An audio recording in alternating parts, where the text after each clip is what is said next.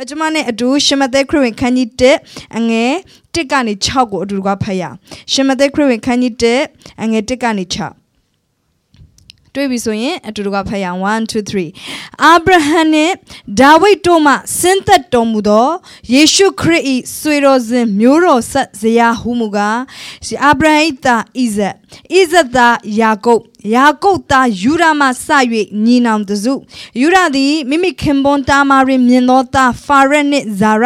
ဖာရက်သားဟေဇရုံဟေဇရုံသားအာရန်အာရန်သားအမိနဒက်အမိနဒက်သားနာရှုံနာရှုံသားဆာလမုန်ဆာလမုန်သည်မိမိခင်ပွန်ရာခတ်တွင်မြင်သော သားဘောဇဘောဇသည်မိမိခင်မွန်ရူတာရင်မြင်သောသားအောဘတ်အောဘတ်သားယေရှေယေရှေသားဒါဝိဒ်မင်းကြီးသည်ဒါဝိဒ်မင်းကြီးသည်ဥရိယ၏ခင်မွန်ဖြစ်ဖူးသောမိန်းမတွင်မြင်သောသားရှောလမုန်โอเคအဲ့တော့ကျွန်တော်တို့ဆက်ပြီးဖတ်သွားမယ်ဆိုယေရှုအထိရှိပါတယ်ဟာလေလုယာအဲ့တော့ဒီမှာနာမည်ကြီးတွေရဲ့အကြောင်းကိုကျွန်တော်တို့မြင်ရတယ်တော့သူတို့ကကြီးမြတ်သောသူတွေဖြစ်ကျမ်းစာထဲမှာမှတ်တမ်းတင်ခြင်းခံရတဲ့အာဗြဟံဣဇက်ယာကုပ်နော်ဒါဝိ ဝဒ်ယေရှုစတဲ့နာမည်ကြီးတွေဖျားသခင်ကြီးမြတ်သောပုဂ္ဂိုလ်တွေအဖြစ်ကျမ်းစာထဲမှာအမှတ်တမ်းတင်ထားတဲ့ပုဂ္ဂိုလ်တွေဖျားလူတွေစသဖြင့်အဲ့ဒီလူတွေနဲ့အတူတူနေရာကျတဲ့လူတွေရှိပါတယ်အချို့ကတော့သူတို့ရဲ့မျိုးရိုးကြောင့်မို့လို့နာမည်ပါလာတဲ့သူတွေရှိတယ် နော်ကျေးဇူးတော်ကြောင့်မိဘတွေရဲ့နော်ကောင်းကြီးမင်္ဂလာခံစားတဲ့လူအချို့တွေရှိရဲ့ဒါပေမဲ့ကြွာကျွန်တော်မိဘကအဲ့လိုမျိုးမဟုတ်ဘူးနော်ကျွန်တော်မိဘကအရင်ဝိညာဉ်ရေးဆန်တဲ့လူမဟုတ်ဘူးဘိုးဘေးတွေရဲ့ကောင်းကြီးမင်္ဂလာကျွန်တော်တို့ကမရှိဘူးဘိုးဘေးတွေစီကပါလာတာဆိုလို့အကျွေးပဲဆက်เสียရှိရဲ့နော်သူတို့စီကအမွေကအကျွေးဆက်ဖို့အမွေပဲရှိရဲ့ကိုကပြန်ပြီးအကျွေးဆက်ရတာနော်အကျွေးရတာမဟုတ်အကျွေးပြန်ဆက်ရတာနော်အာဘိုးဘေးတွေစီကပါလာတာဆိုလို့အာချိန်ချင်းအမင်္ဂလာပဲရှိတယ်နော်ငွေကြေးခက်ခဲတာတို့ဟာအိမ်နောင်ဆက်များတာတို့နော်အာဘိုးဘေးတွေစီက နေရတဲ့အမွေနာမည်ကြီးတဲ့အထဲမှာပါဖို့နေနေသားသားနော်အကျွေးရှိလို့ပတ်ပြေးနေရတဲ့ဟာပဲရှိတယ်အချို့လည်းခံစားမခံစားဒါပေမဲ့မိတ်ဆွေစိတ်တမကြပါနဲ့ဒီထဲမှာအမျိုးတော်လို့နာမည်ပါရတာမဟုတ်ဘဲနဲ့ဖယားသခင်ရဲ့သဘောကျနှစ်သက်တဲ့အတွက်ကြောင့်မို့လို့ဟုတ်တယ်တော်ဆက်ချင်းကြောင့်လည်းပါတယ်ဒါပေမဲ့ဖယားသခင်နှစ်သက်တဲ့အတွက်ကြောင့်မို့နာမည်ပါတဲ့သူတွေလည်းရှိပါတယ်အဲ့ဒီသူကတော့ဘယ်သူလဲဆိုလို့ရှိရင်ဥပမာရုသရုသဟာ ဒီထဲမှာမောဘအမျိုးသမီးတယောက်အနေနဲ့ဖြစ်ပေမဲ့လေဖျားသခင်ရဲ့ဒီနော်အကြီးမြတ်သောပုံကိုယ်ဒီစည်ရင်းထဲမှာပါဝင်ခွင့်ရတယ်အာမင်အဲ့ဒီပြည်ထဲမှာအခြားအခြားလူတွေအမျိုးသမီးတွေနာမည်ဆိုမပါဘူးဒါပေမဲ့ထူးခြားတဲ့အမျိုးသမီးတွေဒီထဲမှာပါတဲ့သူတွေရှိရရာခတ် ရာခတ်ဆိုလို့ရှင်လေတကယ်တော့သူပြည့်တစားတူဖြစ်ခဲ့ပါတယ်ဒါပေမဲ့သူ့ကိုဖျားသခင်ကနော်သူ့ရဲ့ပြောင်းလဲမှုသူ့ရဲ့ဖျားသခင်ရဲ့လူတွေနဲ့ဗရိညင်ဖွဲ့မှုသူ့ရဲ့ဆွေမျိုးတွေကိုသူစွန့်ပြီးတော့ဖျားလူတွေနဲ့ဗရိညင်ဖွဲ့မှုကြောင့်မို့လို့ဒီစင်ရင်ထဲမှာပါတဲ့သူတွေလည်းရှိတယ်အာမင်အဲ့မိတ်ဆွေသင်ကိုဖျားသခင်ကကြီးမြတ်သောသူတွေရဲ့ဂျားထဲမှာနေရာချခြင်းတယ် သင်ရဲ့နာမည်ကိုကြီးမြတ်သောပုဂ္ဂိုလ်ရဲ့ဘေးမှာဖရာသခင်နေရာချခြင်းတယ်အဲ့တော့ပါဝင်ခွင့်သင်မှာရှိပါတယ်အာမင်သင်မှာအခွင့်အရေးမရှိတော့တာမဟုတ်ဘူးသင်မှာအခွင့်အရေးဖရာသခင်ပြင်ဆင်ပေးထားတယ်ပြောပါဦးကျွန်မနဲ့တူဝင်ခံပါအောင်ကြီးမြတ်တဲ့လူတွေစင်းရဲထဲမှာငါနာမည်ပါရမယ် ဟာလေလုယာဟာလေလုယာအာမင်စပြီးတော့အိမ်မက်မက်ပါမြင်အောင်ပါအဲ့တော့ကျမတို့နော်အချို့ကဘာမှာဆိုလို့ရှိရင်အချမ်းသာဆုံးလူစရင်အချို့အောင်မြင်ဆုံးစီးပွားရေးလုပ်ငန်းရှင်စရင်အောင်မြင်ဆုံးအမှုပညာစရင်စသဖြင့်တို့အမျိုးမျိုးရှိကြတယ်ကဘာမှာ list တွေဒီလိုပဲဖယားသခင်မှာလည်း list ရှိလိမ့်မယ်အဲ့ဒီ list ထဲမှာတင်းနေကျမပါဖို့ရန်အတွက်ဆန္ဒရှိရအောင် အာမင်အဲ့တော့ကဘာရဲ့အချမ်းသာဆုံးစည်ရင်ထဲမှာလည်းပါကောင်းပါနိုင်တယ်ဟာလေလုယာအာကဘာအတော်ဆုံးအမှုပညာရှင်စည်ရင်ထဲမှာပါကောင်းပါနိုင်တယ်ကဘာအတော်ဆုံးစာရေးဆရာစည်ရင်ထဲမှာလည်းသင်ပါကောင်းပါနိုင်တယ်ဒါပေမဲ့ကဘာ အထဲမှာဖရာသခင်ကြီးမြတ်တဲ့ပုံကိုယ်တွေဖြစ်သတ်မှတ်တဲ့စင်းထဲမှာလေသင်ပါနိုင်တာဖြစ်တယ်။အသင်ဘလို့စလဲဆိုတာအရေးမကြီး။သင်ဘလို့စိုးမိဒီကဘာကြီးတဲ့ကနေထွက်သွားမလဲဆိုတာတိတ်ကိုအရေးကြီးရဲ့။အာမင်။အဲချို့သောလူတွေကစတဲ့အချိန်မှာတော့အများကြီးသူတို့ဘဝမှာမရှိခဲ့ပါဘူး။ဒါပေမဲ့ဆုံးသက်တဲ့အချိန်မှာတော့ကြီးမြတ်တဲ့နာမည်ကောင်းတွေနဲ့သူတို့ကကဘာကြီးတဲ့ကနေထွက်ခွာသွားကြတယ်။ဟာလေလုယာပြောပါအောင်အဲ့ဒါငါဖြစ်လိမ့်မယ်။အာမင်ဟာလေလုယာတင့်နာမည်ဘယ်သူမှမသိပဲတင်မွေးလာလိမ့်မယ်ဒါပေမဲ့ဒီနေ့မှာတော့တင့်နာမည်ကိုလူတိုင်းသိပြီးတော့မှကဘာကြီးတဲ့နေတင်ပြန်ထွက်သွားလိမ့်မယ်ဟာလေလုယာဟာလေလုယာအာမင်အဲ့ဒီထဲမှာရုသပါဒီနေ့မှာကျွန်မဒီအမျိုးသမီးရုသကနေပြီးတော့ကျွန်မတို့အဓိကကြည့်ရှုသွားမှာဖြစ်တယ်ကြီးမြတ်သောသူတွေကြားထဲမှာနေရာကျဖို့သူကဘလို့ quality ရှိခဲ့တာလဲသူရဲ့နာမည်ကဘလောက်တောင်မှထူးခြားသလဲဆိုလို့ရှိရင်ရုသဝတ္ထုဆိုပြီးတော့ကျမ်းစာထဲမှာ နော်ဒီကျမ်းစာအုပ်ဖယားသခင်ကိုယ်တိုင်မှုတ်သွင်းထားတဲ့စကားတော်ဖြစ်တဲ့ဒီကျမ်းစာထဲမှာဒီအမျိုးသမီးရဲ့အကြောင်းပါရတယ်ဝါဟာလေလုယာအာမင်ဒီအမျိုးသမီးကဣသရေလအမျိုးသမီးတယောက်မဟုတ်ခဲ့ဘူးသူကမောဘအမျိုးသမီးတယောက်ဖြစ်တယ်တပားအမျိုးသမီးတယောက်ဖြစ်တယ်ဒါပေမဲ့သူ့ရဲ့အစကအလွန်သေးပေမဲ့သူ့ရဲ့ဆွေမျိုးတွေကမတရားသောမေထုံ၌တော့ကြဆင်းခဲ့တဲ့မောဘ အာမုံဆိုတဲ့ဒီလောတာကနေလာတဲ့အမျိုးတွေဖြစ်ပေမဲ့လေသူဟာကြီးမြတ်တဲ့လူတစ်ယောက်ဖြစ်ဖရားသခင်ကျမ်းစာထဲမှာသူ့ရဲ့နာမည်နဲ့တကွမှတ်တမ်းတင်ရတဲ့လူတစ်ယောက်ဖြစ်ခဲ့တယ်။ Wow hallelujah hallelujah amen amen ဖရားသခင်ကဒီသူ့ကိုတကယ်နှစ်သက်တဲ့အချက်တွေရှိတဲ့အတွက်ကြောင့်မလို့သူကကြီးမြတ်သောသူတွေရဲ့နာမည်စင်းထဲမှာပါခွင့်ရတာဖြစ်တယ် အာမင်ဖခင်သခင်နှစ်သက်တဲ့ quality တွေသူ့ရဲ့အသက်တာမှာရှိတယ်တကယ်လို့ရုသဝတ္ထုကိုကျွန်တော်တို့ဖတ်ကြည့်လိုက်တဲ့အခါမှာဒီထဲမှာပါတဲ့လူတွေအမျိုးမျိုးရှိပါတယ်နော်ဘောဇလည်းပါတယ်တကယ်လို့ဘောဇဆိုရင်ဒီထဲမှာတကယ် main character တယောက်လို့ပြောလို့ရတယ် तू က ကယ်တင်တော်သူယေရှုခရစ်တော်ကို ပုံဆောင်သောပုဂ္ဂိုလ်ဖြစ်တယ်သူကကယ်တင်တဲ့သူဖြစ်တယ်ချမ်းသာတာသူဖြစ်တယ်တော်တော်များများဆိုလို့ရှိရင်ကျမတို့နော်ရုပ်ရှင်တွေဘာတွေထဲမှာဆိုလို့ရှိရင်တကယ် main character ဆိုလို့ရှိရင်အဲ့လိုမျိုးပေါ့နော် heroic ဖြစ်တဲ့ character မျိုးကို main character မှာထားကြတယ်အဲ့ဒီမှာနော်မီလည်းပဲပါသေးတယ်နော်မီဆိုလေတကယ် main character ဖြစ်ခွင့်ရှိပါတယ် तू ကဘာကြောင့်မလို့လဲဆိုတော့ तू ကပဲအားလုံးကိုလမ်းညွှန်တာ instruction အားလုံးကသူ့စီကနေလာတာ ဒါပေမဲ့ဒီစာရေးတဲ့အခါမှာရှူတောင်းကဘေးရှူတောင်းကနေဘုရားကရေးထားလဲဆိုရင်ရုသရဲ့ရှူတောင်းကနေပြီးတော့ရေးထားတယ်ဆိုတော့ကျမတို့တွေ့မြင်ရတယ်။အဲဒါကြောင့်နာမည်ကရုသဝတ္ထုလို့နာမည်ပေးထားတယ်။ hallelujah အာမင်။ဖခင်သခင်ကဒီ character တွေအများကြီးရှိတဲ့ထက်ကလူတွေအများကြီးရှိတဲ့ထက်ကနှစ်သက်ဖွေရအသက်တာတွေအများကြီးလူတွေပိုင်ဆိုင်တဲ့အထဲကနေဘာကြောင့်သူ့ကို main character တယောက်အနေနဲ့ ထုတ်ပြီးတော့ပေါ်ပြတာလေဆိုတော့သူ့ရဲ့အသက်တာမှာကျမတို့သင်ယူသင့်တဲ့အရာတွေအများကြီးရှိနေတဲ့အတွက်ကြောင့်သူ့မှာကောင်းသော quality တွေကျမတို့သူ့ရဲ့အသက်တာကနေသင်ယူခြင်းအပြင်ဘလို့ကြီးမြတ်သောသူတွေထဲမှာနေရာကျနိုင်မလဲဆိုတာသင်ယူဖို့ရတဲ့ဘုရားခင်ထားထားတာဖြစ်တယ်အာမင်အဲ့တော့ကျမတို့ဒီညမှာအတူတကွသင်ယူရအောင် how you can become great သင်ဘလို့မျိုးကြီးမြတ်သောသူဖြစ်နိုင်မလဲဆိုတာ Ruth ရဲ့အသက်တာကနေကျမတို့သင်ယူရအောင်အာမင်အဲ့တော့ကျမတို့ပထမဦးဆုံးเนาะအဲ သူ့ရဲ့ character သူ့ရဲ့ quality ဖျားသခင်ကြီးမြတ်သောသူတွေရဲ့အထဲမှာနေရာချရခြင်းအကြောင်းအရင် quality တစ်ခုကတော့အဲကျမနဲ့အတူတူဖတ်စေခြင်းနဲ့ရူသဝတ္ထုခန်းကြီး1အငယ်14မှာရူသဝတ္ထုအခန်းကြီး1အငယ်14မှာ တွေးပြီးဆိုဖတ်ရအောင်1 2 3သူတို့သည်တဖန်အတန်ကိုလွှင့်၍ငိုကြွေးကြ၏ထိုအခါဩရပသည်ရောက်ခမကိုနမ်း၍မိမိအမျိုးသားထံသို့ပြန်သွား၏ရုသမူကရောက်ခမ၌မိဝဲစိကလျက်နေသေး၏အာမင်ဒီမှာ ဘာဖြစ်လဲဆိုတော့နော်တရက်မှာနော်နောမီဆိုတဲ့အမျိုးသမီးမှာသူ့မှာသားရှိတယ်သားနှစ်ယောက်ရှိတယ်အဲ့ဒီသားနှစ်ယောက်နဲ့အတူသူက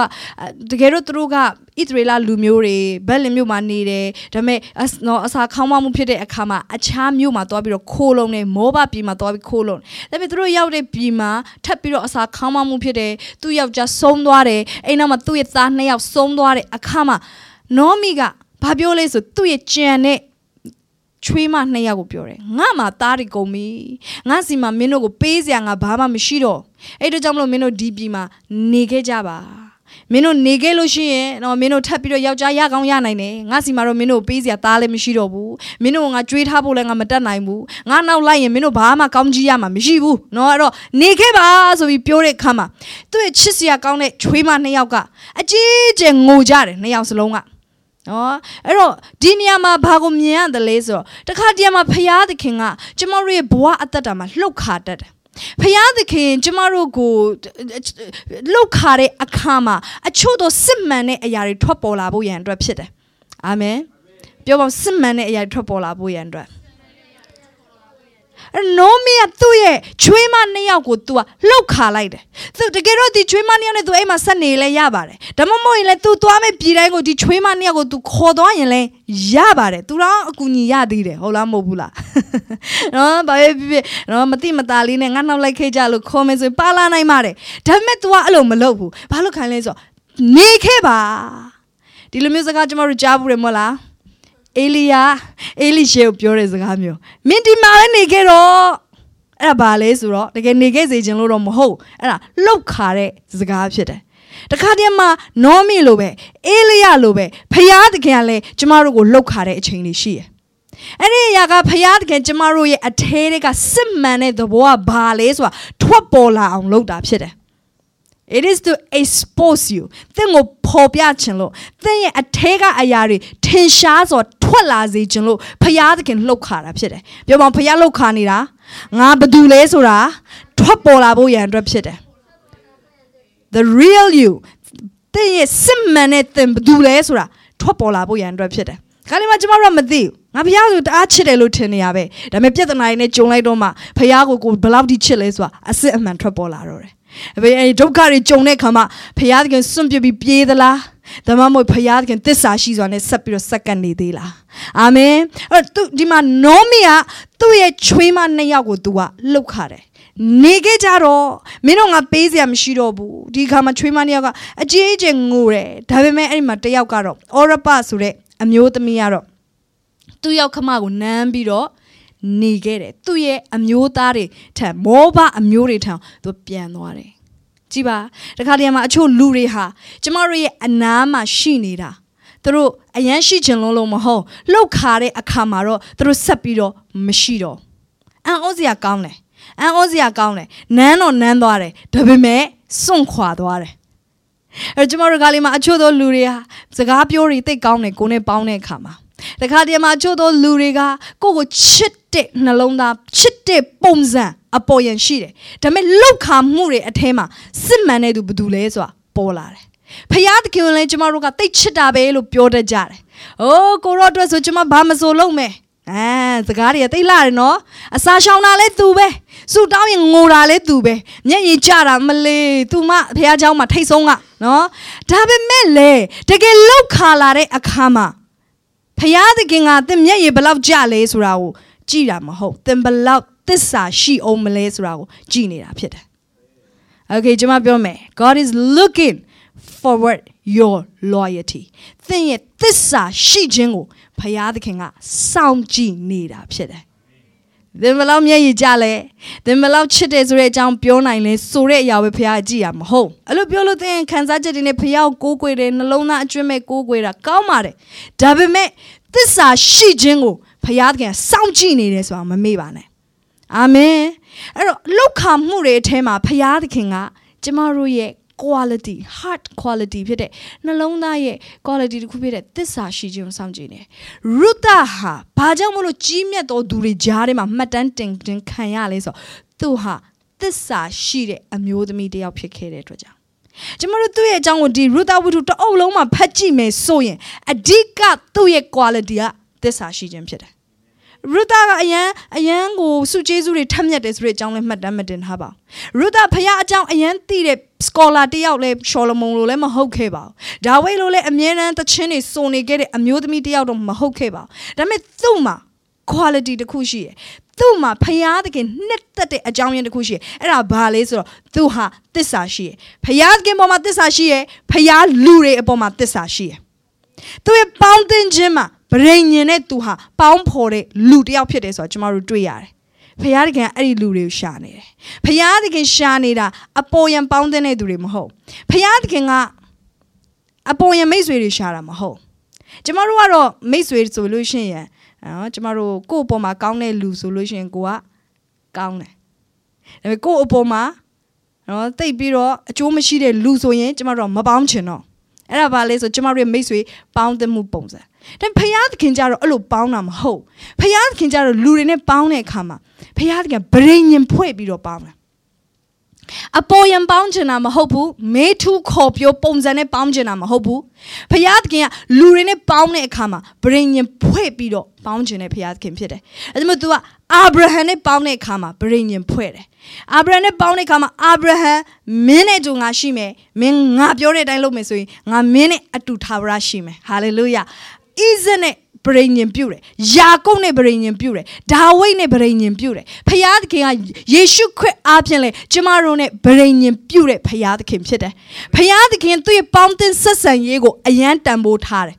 ကျမတို့လည်းပေါင်းတင်ဆက်ဆံရေးကိုတန်ဖိုးထားဖို့လိုတယ်။ဖယားသခင်နဲ့ပေါင်းတင်ဆက်ဆံရေးကိုတန်ဖိုးထားဖို့လိုတယ်။လူတွေနဲ့ပေါင်းတင်ဆက်ဆံရေးကိုတန်ဖိုးထားဖို့လိုတယ်။ဖယားနဲ့ပေါင်းရင်ဗရိညင်နဲ့ပေါင်းပါ။ဖယားလူတွေနဲ့ပေါင်းရင်ဗရိညင်နဲ့ပေါင်းပါ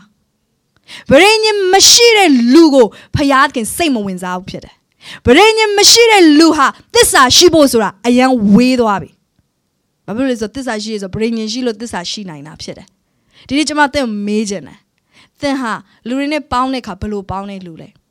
သင်ဟာဗရိညင်နဲ့ပေါင်းတဲ့သူလားဒါမှမဟုတ်ရဲ့ကြုံတယ်လို့ပေါင်းတဲ့သူလား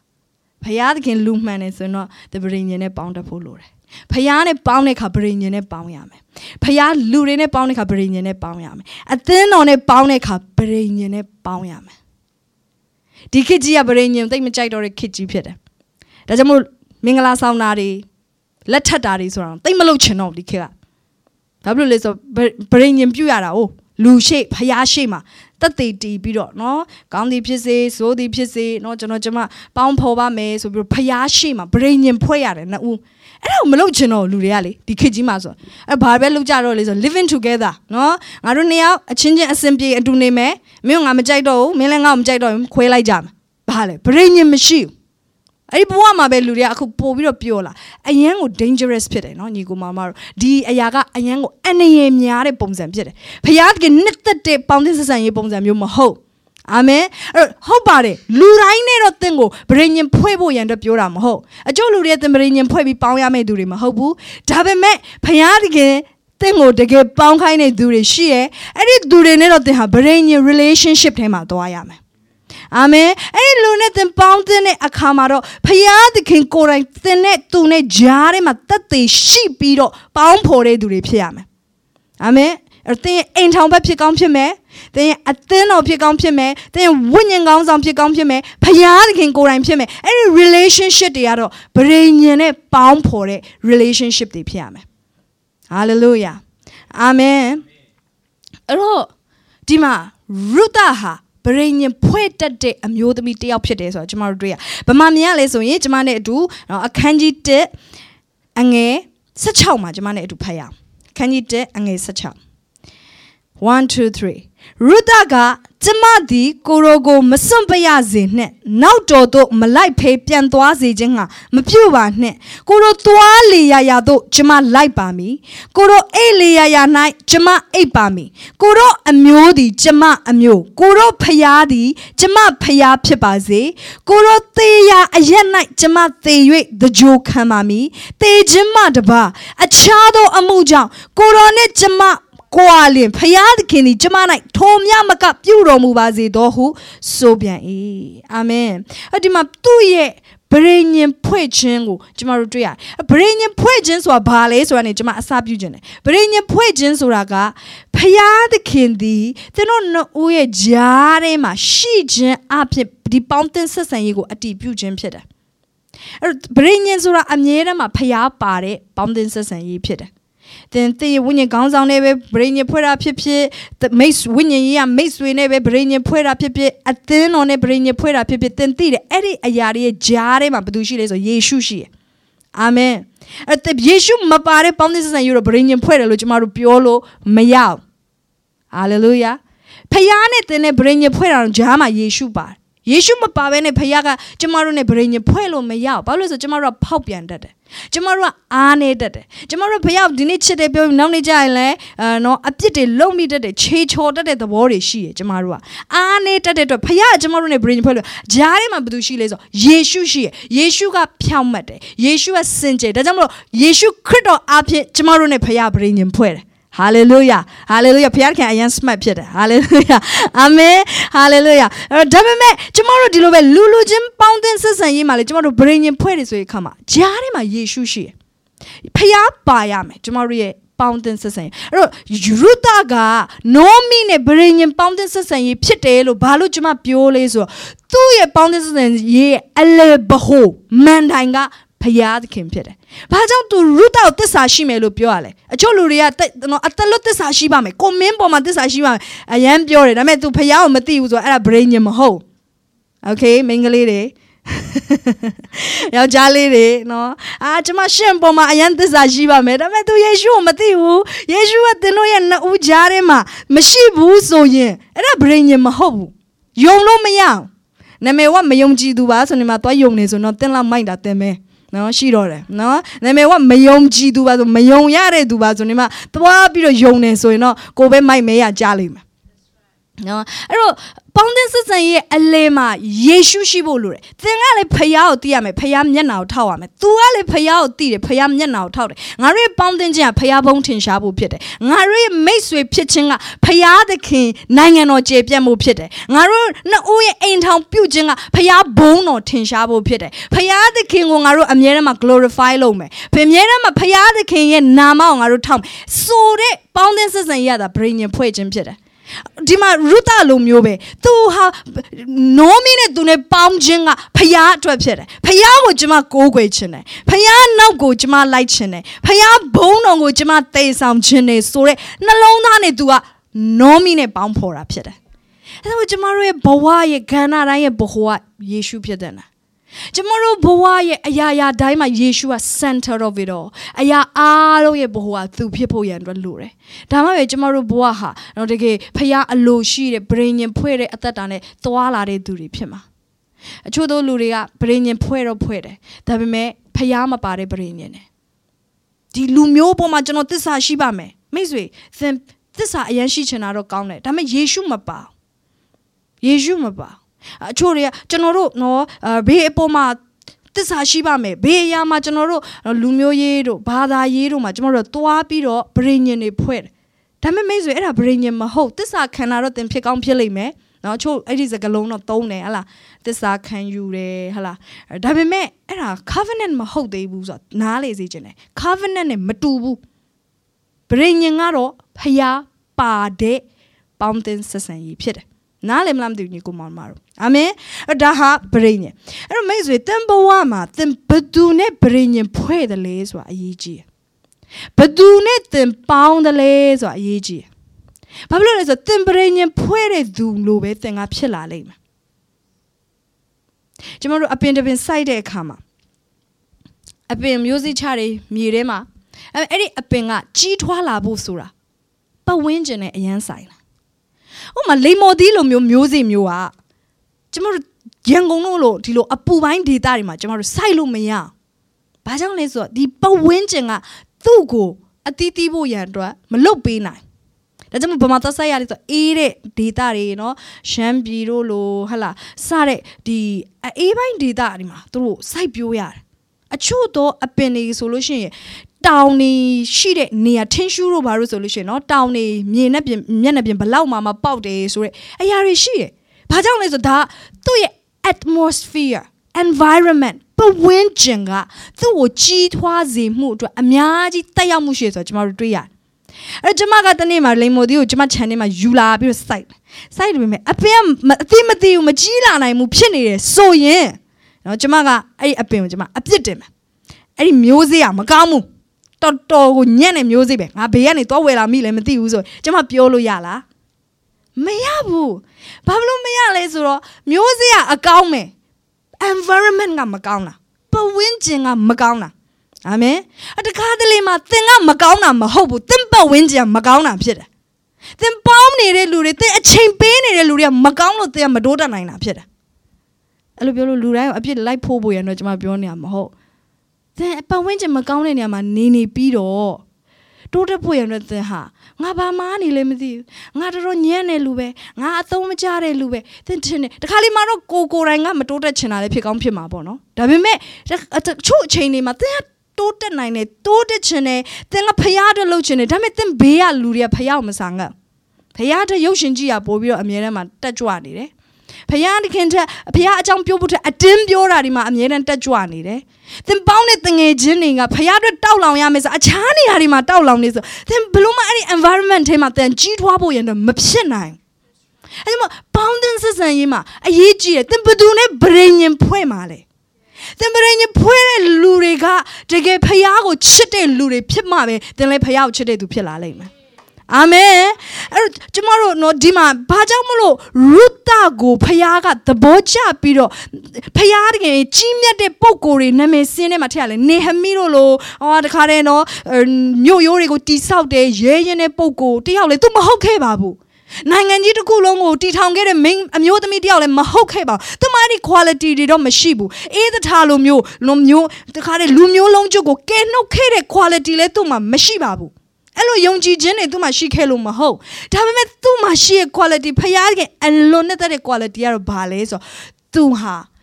သစ္စာရှိရယ်ဘယ်သူအပေါ်မှာသစ္စာရှိလဲဆိုဖရားလူတွေအပေါ်မှာသူကသစ္စာရှိရယ်ဖခင်မျက်နာကို तू ထောက်တယ်ဖခင်ခင်တော့ကို तू လိုက်ချင်တယ်ဖခင်နဲ့ तू ကြီးထွားချင်တယ်အဲ့ဒီနှလုံးသားကိုဖခင်ကတကယ်သဘောကျတယ်တခါလေမှအချို့ quality တွေတက်မှမရှိတာဖြစ်ကောင်းဖြစ်လိမ့်မယ် အာကျွန်ကျမအဲ့လိုကြီးနိုင်ငံကြီးတစ်ခုလုံးကိုကျမပြောင်းလဲအောင်လုပ်နိုင်တဲ့အာတော့ယုံကြည်ခြင်းမျိုးတော့ကျမမှာလောလောဆယ်မရှိသေးဘူးဒါပေမဲ့ကိစ္စမရှိဘူးသင်ဖျားကိုချစ်တယ်သင်ဖျားတကယ်နောက်ကိုလုံးလုံးလိုက်ချင်တယ်ဖျားလူတွေနဲ့သင်ပေါင်းဖော်ချင်တယ်ဖျားရဲ့အထဲမှာသင်တကယ်ကြီးထွားခြင်းတဲ့နှလုံးသားရှိရဲ့အဲ့ဒီနေရာကနေသင်စပါသင်ကိုကြီးမြတ်တဲ့သူဖျားခင်ဖြစ်စေလိမ့်မယ်လူမျိုးအထောင်တောင်းတို့ရဲ့ မိခင်ကြီးဖြစ်ရတဲ့ခွင့်ဖျားခင်တင်ပေးလိမ့်မယ်။သင်ထဲကနေနမိတ်လက္ခဏာလုပ်တဲ့ဒါဝိဒ်တို့လိုပုံကိုယ်ပေါ်လာရတဲ့ခွင့်ဖျားခင်ပေးလိမ့်မယ်။ You should do great things because you choose God above everything ဖယားသခင်ကိုအရာအားလုံးရဲ့အထက်မှာသင်ရွေးချယ်တဲ့အတွက်သင်ပေါင်းတင်ဆက်ဆံရေးမှာဖယားသခင်ကိုသင်ဦးစားပေးပြီးရွေးချယ်တဲ့အတွက်ကြောင့်မို့လို့ ဖယားခင်တန်ကိုချီးမြှောက်လိမ့်မယ်ဒါသူ့ရဲ့အဓိက quality ဖြစ်တယ်ရူတာဝတ္ထုကအတူတူလေးပါဖတ်ကြည့်ပါအစကနေအဆုံးပြန်ဖတ်ကြည့်ပါဘယ်လိုမျိုး quality ရူတာမှာရှိလို့လဲအဓိက quality ကတော့ဖယားသခင်ကိုဦးစားပေးပြီးတော့ပေါင်းတင်ဆက်ဆံတဲ့အတွက်ကြောင့်သစ္စာရှိတဲ့ပေါင်းတင်ဆက်ဆံခြင်းရှိတဲ့အတွက်ကြောင့်ဖြစ်တယ်။သူဒီဒီနောမီကိုမထားခဲ့။နောမီကိုထားပြီးတော့သူ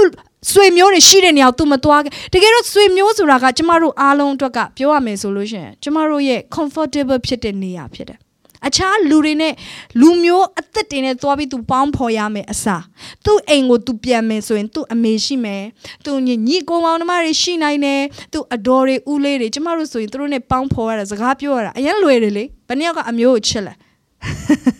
မုန်းတဲ့လူတော့တယောက်မှမရှိဘူးဆိုတော့ကျမယုံတယ်။ Okay မိသားစုဝင်တွေကိုချစ်ကြတဲ့လူတွေကြီးပဲ။ဒါပေမဲ့ तू အနေနဲ့ဒီအရာတွေကို तू ထားခဲ့ရတယ်ဆိုတာက तू ဖះနောက်ကိုလိုက်ချင်တဲ့အတွက်ကြောင့်ဖြစ်တယ်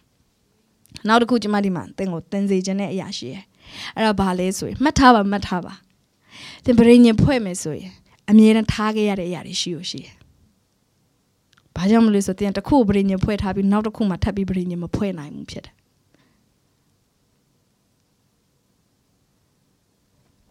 သင်ဟာဘာလဖယားနဲ့ပရိညင်ဖွဲ့ပြီးယေရှုဖယားနဲ့ပရိညင်မဖွဲ့နိုင်ရုပ်ထုဖယားကိုသင်ပရိညင်ဖွဲ့ပြီးတော့ယေရှုဖယားကိုသင်ပရိညင်ဖွဲ့လို့မရပရိညင်ဖွဲ့တဲ့ခါမှာ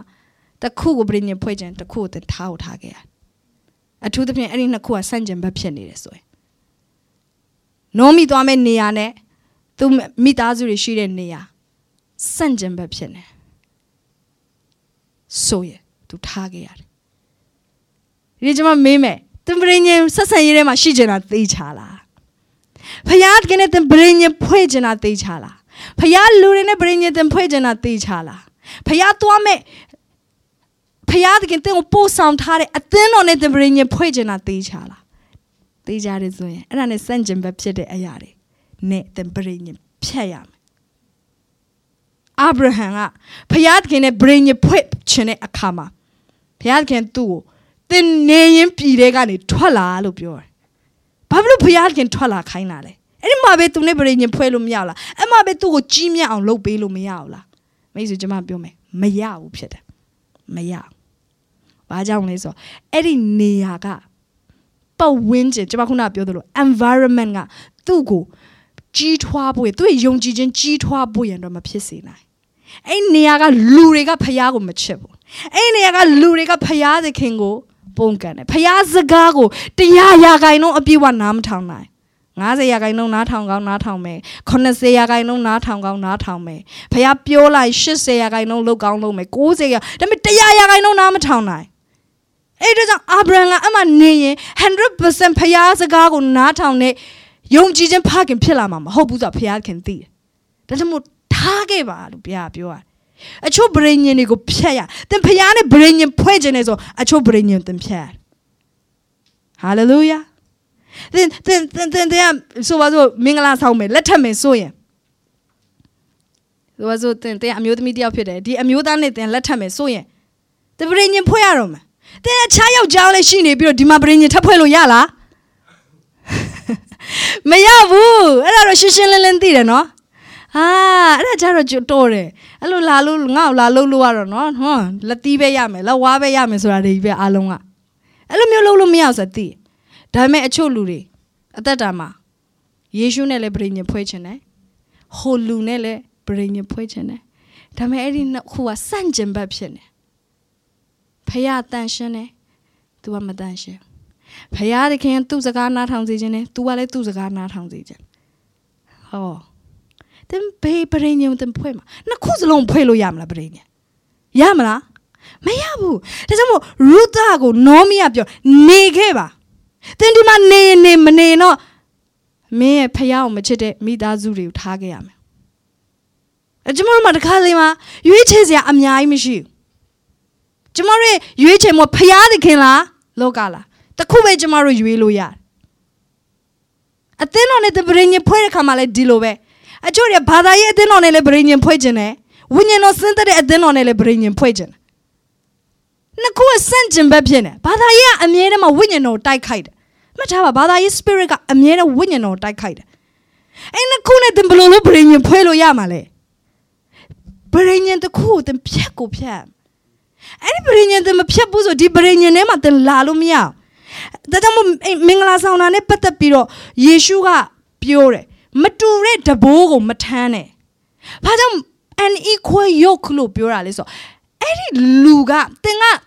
ဆိုပါစို့တင်ကအဲ့ဒီလူနဲ့ပြင်ရင်ဖွဲ့ချင်တာ။ဒါပေမဲ့အဲ့ဒီသူကသူ့မှာအခြားပြင်ရင်ဖွဲ့တာပြီးသားဖြစ်နေဆိုသူဟာတင်နဲ့ unequal yoke ဖြစ်သွားတယ်။ဘာလို့လဲဆိုတော့ပိုလေးနေတယ်။သူ့မှာအခြားထမ်းသားတဲ့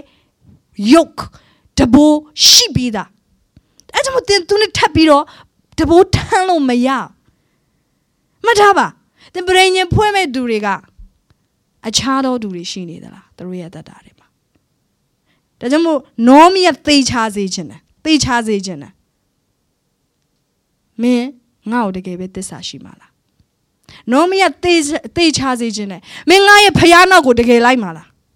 လိုက်မယ်ဆိုတော့ဒီမျိုးမှာပဲငါတို့ဆက်နေလို့မရငါတို့ဒီမျိုးစွန့်ခွာခဲ့ရမယ်ငါတို့ဒီနေရာကိုထားကိုထားခဲ့ရမယ် ဒီနေ့ကျွန်မသင်မေးခြင်းနဲ့ဘုရားခင်သင်ဘာတွေထားခဲ့ခိုင်းလဲဘုရားခင်သင်ကိုနောက်ထပ် level တစ်ခုဆွဲခေါ်သွားမယ်သင်ကိုကြီးမြတ်တဲ့သူတွေကြားမှာနာမည်ချခြင်းနဲ့သင်ရဲ့နာမည်ကိုကြီးမြတ်တဲ့သူတွေထဲမှာထည့်ခြင်းနဲ့ဒါပေမဲ့အဲ့ဒီကိုသွားဖို့ရတဲ့အချို့သောအရာတွေထားခဲ့မယ်အချို့သောလူတွေကိုထားခဲ့မယ်အချို့သောဗရိညင်တွေကိုသင်ဖြတ်ရမယ်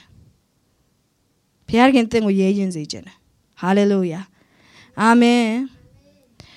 အဲ့တော့ ဒီမှာကျမတို့မှတ်ထားပါဗရိညင်ဟာနှစ်ဦးနှစ်ဖက်ကဗရိညင်ဖွဲ့ရတာဖြစ်တယ်ဆိုပါစို့ကျမကတစုံတယောက်နဲ့နော်ဖယားတခင်ရှေ့မှာဗရိညင်ဖွဲ့တယ်ဆိုသူ့ဘက်ကကောကိုယ့်ဘက်ကရောတစ္ဆာရှိဖို့လိုတယ်အာမင်တစ္ဆာမရှိတဲ့သူနဲ့ဘယ်တော့မှဗရိညင်မဖွဲ့ပါနဲ့နောမီယာသေချာခြင်းတယ်ဒါကြောင့်မလို့မေးတာ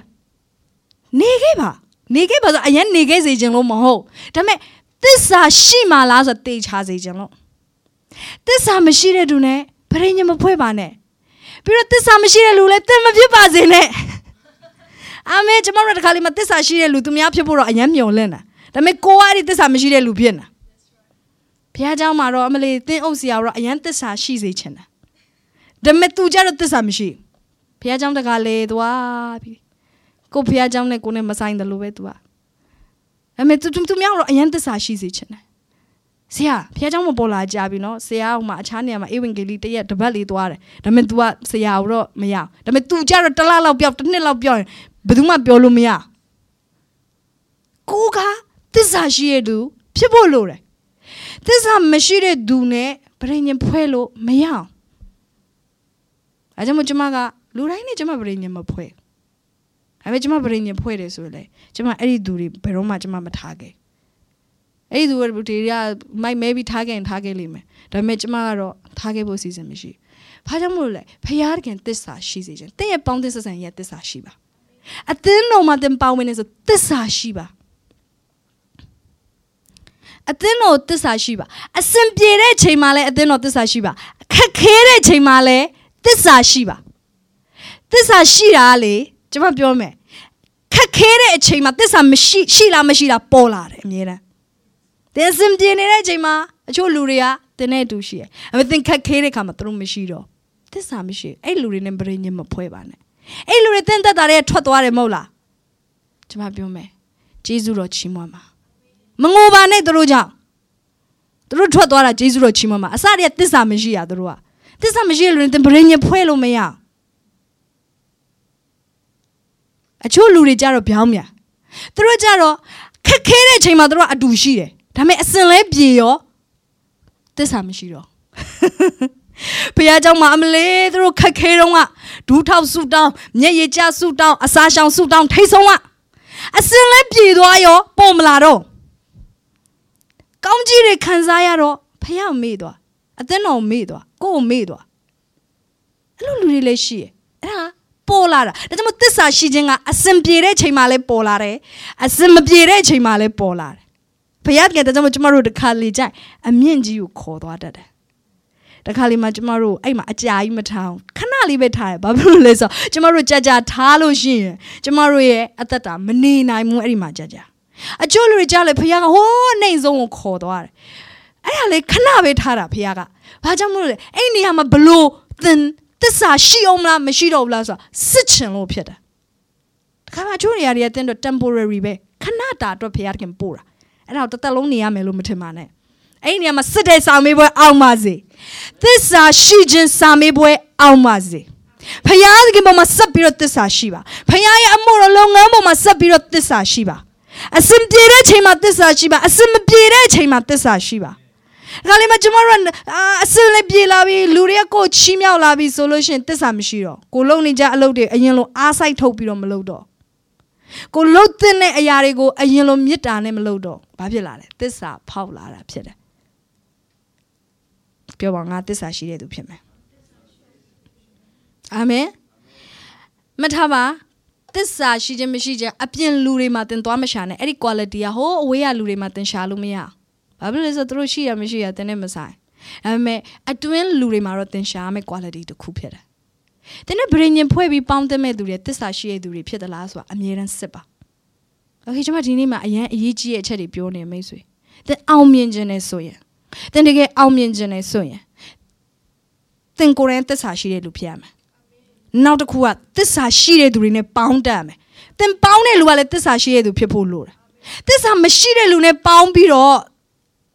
သစ္စာရှိတဲ့ဗြိဉ္ဉ်တစ်ခုကိုတည်ခြင်းလို့တော့မရအောင်အချို့ရဲ့ပြဿနာဘာလဲဆိုသစ္စာမရှိတဲ့သူကိုသစ္စာရှိဖို့ထိုင်ဆောင်နေတဲ့လူတွေရှိတယ်ကျွန်မဘဝမှာတော့အာဗြဟံလိုမျိုးတော့တစ်ခါမှမလုပ်ဘူးအာဗြဟံကကျတော့ဘုရားသခင်ဘာပြောလဲဆိုတော့ကျွန်မတရက်မှာအာဗြဟံနဲ့လောတာနဲ့လမ်းခွဲရတဲ့အချိန်ရောက်လာဘာဖြစ်လဲဆိုလောတာသစ္စာမရှိ လောတာရဲ့သစ္စာမရှိချက်ဘာမှလာပေါ်လဲဆိုတော့လောတာရဲ့ကျွန်နေမှလာပေါ်လောတာရဲ့ကျွန်နေအာဗြဟံကျွန်နေနဲ့ယံဖြစ်တယ်အမြဲတမ်းလောတာကအာဗြဟံရဲ့နော်မကောင်းကြောင်းနေသူ့ကျွန်နေပြပြထားလို့လည်းဖြစ်ကောင်းဖြစ်နိုင်တယ်လောတာကိုယ်တိုင်ကနော်ဒီပုံသက်တွေကောင်းမဖြစ်တဲ့အခါမှာသူ့ကျွန်တွေကလည်းအယံဖြစ်တယ်အမြဲတမ်း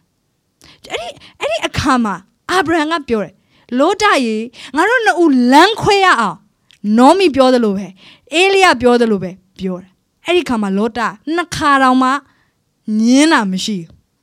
ဟုတ်ကဲ့ပါကျွန်တော်သွားပါမယ်တခါရ ready ပဲထွက်ဖို့ရန်အတွက်ဘယ်လောက်ထိသစ္စာရှိလဲဆိုတာအမှတွေးရအချို့လူတွေလည်းနှစ်ခါတော့မှစစ်စရာမလိုသစ္စာမရှိရတန်းပေါ်တယ်တန်းပေါ်တယ်လောဒအရင်ကလေးကနေအာဗြဟံနားမှာမနေချင်တော့သူခန္ဓာကိုယ်ရတာအဲ့ဒီမှာရှိမယ်စိတ်ကအဝေးရောက်နေပြီ စိတ်ကသောတုံနဲ့ဂိုမိုရာမှာပဲရောက်နေပြီသစ္စာမရှိသစ္စာမရှိတဲ့သူအာဗြဟံကဘာလုပ်လဲဆိုလမ်းခွဲရအောင်ပြောတယ်ကျမတို့ဘယ်သူမှတော့အဲ့လိုမပြောဘူးဒါပေမဲ့ဖခင်တခင်ကျမတို့သင်ပေးတဲ့အရာတစ်ခုတော့ရှိတယ်အဲ့ဒါဘာလဲဆိုလမ်းခွဲချင်နေတဲ့လူတွေကိုဘယ်တော့မှလမ်းမခွဲပါနဲ့လို့မပြောနဲ့ဘာလို့လဲဆိုတော့တစ္ဆာမရှိတဲ့လူသွားပြီးတစ္ဆာရှိဖို့တင်ကြိုးစားနေအဲဆရာကြီးမင်းမဲမိုက်မဲတာလို့ဖခင်ကပြောတာ အဲကျွန်မပြောမယ်နောက်တစ်ခေါက်ပြန်သတိပေးမယ်သင်အောင်မြင်ခြင်းနဲ့ပေါင်းသင်းဆက်ဆံရေးမှာအောင်မြင်ခြင်းသင်ကိုယ်တိုင်တစ္ဆာရှိပါနောက်တစ်ခုတစ္ဆာရှိတဲ့လူနဲ့ပေါင်းပါတစ္ဆာမရှိတဲ့သူနဲ့တွားပြီးတော့ဗရင်ညင်ဖွဲဖို့မစင်စားနဲ့ဖခင်သင်ကိုဉာဏ်ပညာပေးပါစေတစ္ဆာမရှိတဲ့သူနဲ့သင်ပေါင်းတာအစိတ်ခွန်မှန်တိတိနဲ့သင်တောက်နေရတဲ့အတူတူပဲသင်ဒုက္ခပေးမယ်ဆိုတာသိတယ်ဒါပေမဲ့သင်ဆက်တောက်နေမသေးပါစေနဲ့လို့ဆူတောင်းပြီးတော့ ဒါပေမဲ့အစိတ်မှန်သင်သိတယ်ယေရှုကတနေ့မှဒီလိုပြောတယ်ရှင်ယောဟန်ခရစ်ဝင်အခန်းကြီး14အငယ်30မှာယခုမှစ၍ငါဒီသင်တို့နှင့်များစွာမပြောရ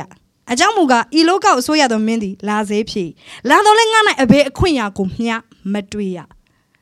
ယေရှုကပြောတယ်ငါ့ကိုစာတန်ကဘာခြေကုပ်စခန်းမှယူလို့မရငါရဲ့အသက်တာပြည့်စုံတယ်ယေရှုကသစ္စာရှိတယ် ယေရှုရဲ့အသင်းမှာဘာမှစာတန်နေရာယူလို့မရဒါပေမဲ့ဒါပေမဲ့ယေရှုရဲ့တပည့်တော်12ယောက်ထဲမှာရှိတယောက်မှာတော့စာတန်နေရာယူလို့ရ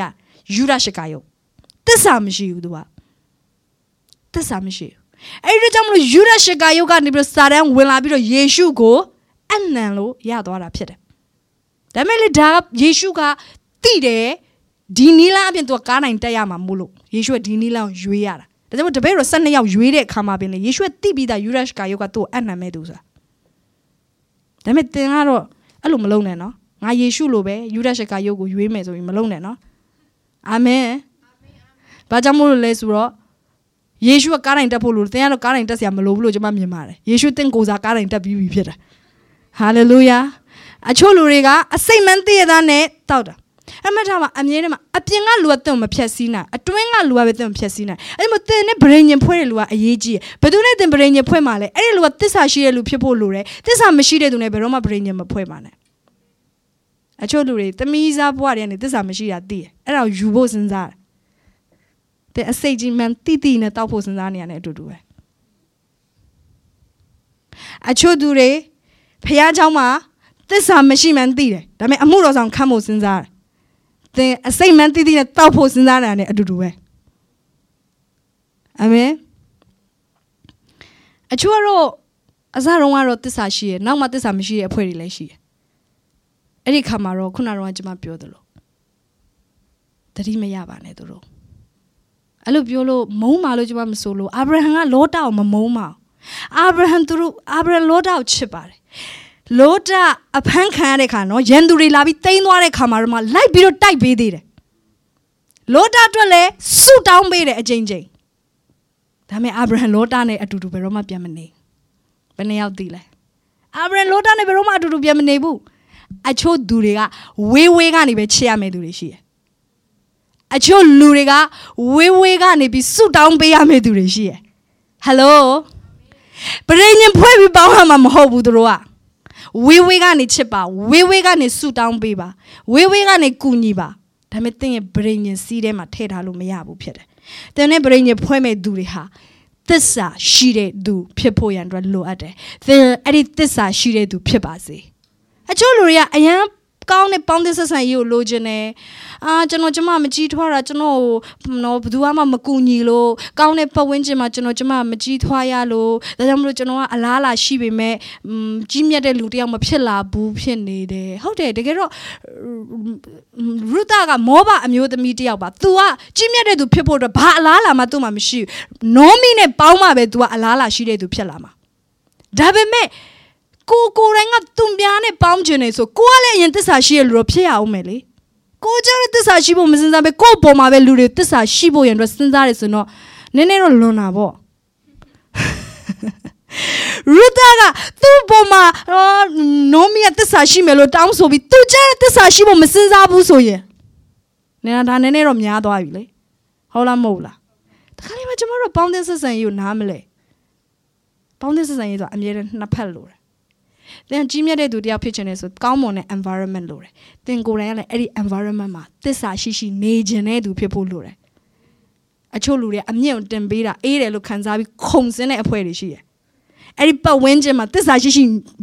မြဲအောင်မနေနိုင်တဲ့အဖွဲ့တွေရှိတယ်ပြောပါငါသစ္စာရှိရှိနဲ့နေမယ်အာမင်ဟာလေလုယာသစ္စာမရှိတဲ့သူတွေကိုပရိညင်မဖွဲ့ပါနဲ့ မျက်နှာနှစ်ခုနဲ့လူတွေရှေ့တစ်မျိုးနောက်တစ်မျိုးကျမတို့လို့မလုပ်တတ်ဒါပေမဲ့အချို့ကလုပ်တတ်တယ်တကယ်အရင်ခွန်ရတယ်နော်မကိုရကြရလဲကိုသူ့အတင်ပြောရတယ်သူပဲရှေ့မှာတစ်မျိုးကိုရမှာတစ်မျိုးမျက်နှာနှစ်ခုရှာနှစ်ခု connection မရှိနေတဲ့သူတွေနဲ့ပြင်ညမဖွဲ့ပါနဲ့ hallelujah ဒီနေ့မှာကျွန်မတင်ပညာ ဖခင်ခင်ပေးခြင်းနဲ့ရူတာဝတ္ထုရဲ့ပညာကိုပြောပြနေတာဖြစ်တယ်ကြီးမြတ်တဲ့အမှုတွေလုပ်ဖို့ရန်အတွက်သစ္စာရှိတဲ့လူတွေလိုတယ်အသင်းတော်တစ်ခုမှာကြီးမြတ်တဲ့အမှုတွေလုပ်ဖို့ရန်အတွက်သစ္စာရှိတဲ့သင်းအောင်ဆရာလိုတယ်အဲ့ဒီပြင်သစ္စာရှိတဲ့အသင်းသားလိုတယ်သစ္စာရှိတဲ့သင်းအောင်ဆရာတယောက်တည်းရှိနေလို့မရဘူးဟာလေလုယာ အကျိုးစင်တာငါအတင်းတော့ဘာလို့ကြီးမြတ်တဲ့အမှုတွေမလုပ်တာငါတင်းအောင်ဆရာတိတ်မဆက်ကလို့ထင်တယ်ဒါပေမဲ့ तू ကြတော့ဖះကြောင့်တခါမှမမှန်မလားအလူငွေတခါမှမမှန်မထဲကြီးမြတ်တဲ့မှုတွေလုပ်ဖို့အတွက်သစ္စာရှိတဲ့ဗရိညင်ဆက်ဆံရေးလိုတယ်နှစ်ဦးနှစ်ဖက်လိုတယ်တင်းအောင်ဆရာလည်းသစ္စာရှိရမယ် assistant pastor လည်းသစ္စာရှိရမယ်အမှုတော်ဆောင်လည်းသစ္စာရှိရမယ်အသင်းသားလည်းသစ္စာရှိရမယ် အသစ္စာရှိတဲ့လူတွေပေါင်းဖော်တဲ့အခါမှာတကယ်မေတ္တာစီးစင်းတဲ့ပတ်ဝန်းကျင်ဖြစ်လာတယ်။ဝိညာဉ်တော်စီးစင်းလို့ရတဲ့ပတ်ဝန်းကျင်ဖြစ်လာတယ်။ကြီးမြတ်တဲ့အရာတွေနေရာယူလို့ရတဲ့နေရာဖြစ်လာတယ်။စဉ်းစားကြည့်ကျမသစ္စာမရှိဘူးဆိုရင်အသင်းသားတွေအရင်သစ္စာရှိနေပေမဲ့ကျမသစ္စာမရှိဆိုဘလို့လို့ဝိညာဉ်တော်စဉ်းစားလို့ရစဉ်းသက်လို့ရမှာလဲ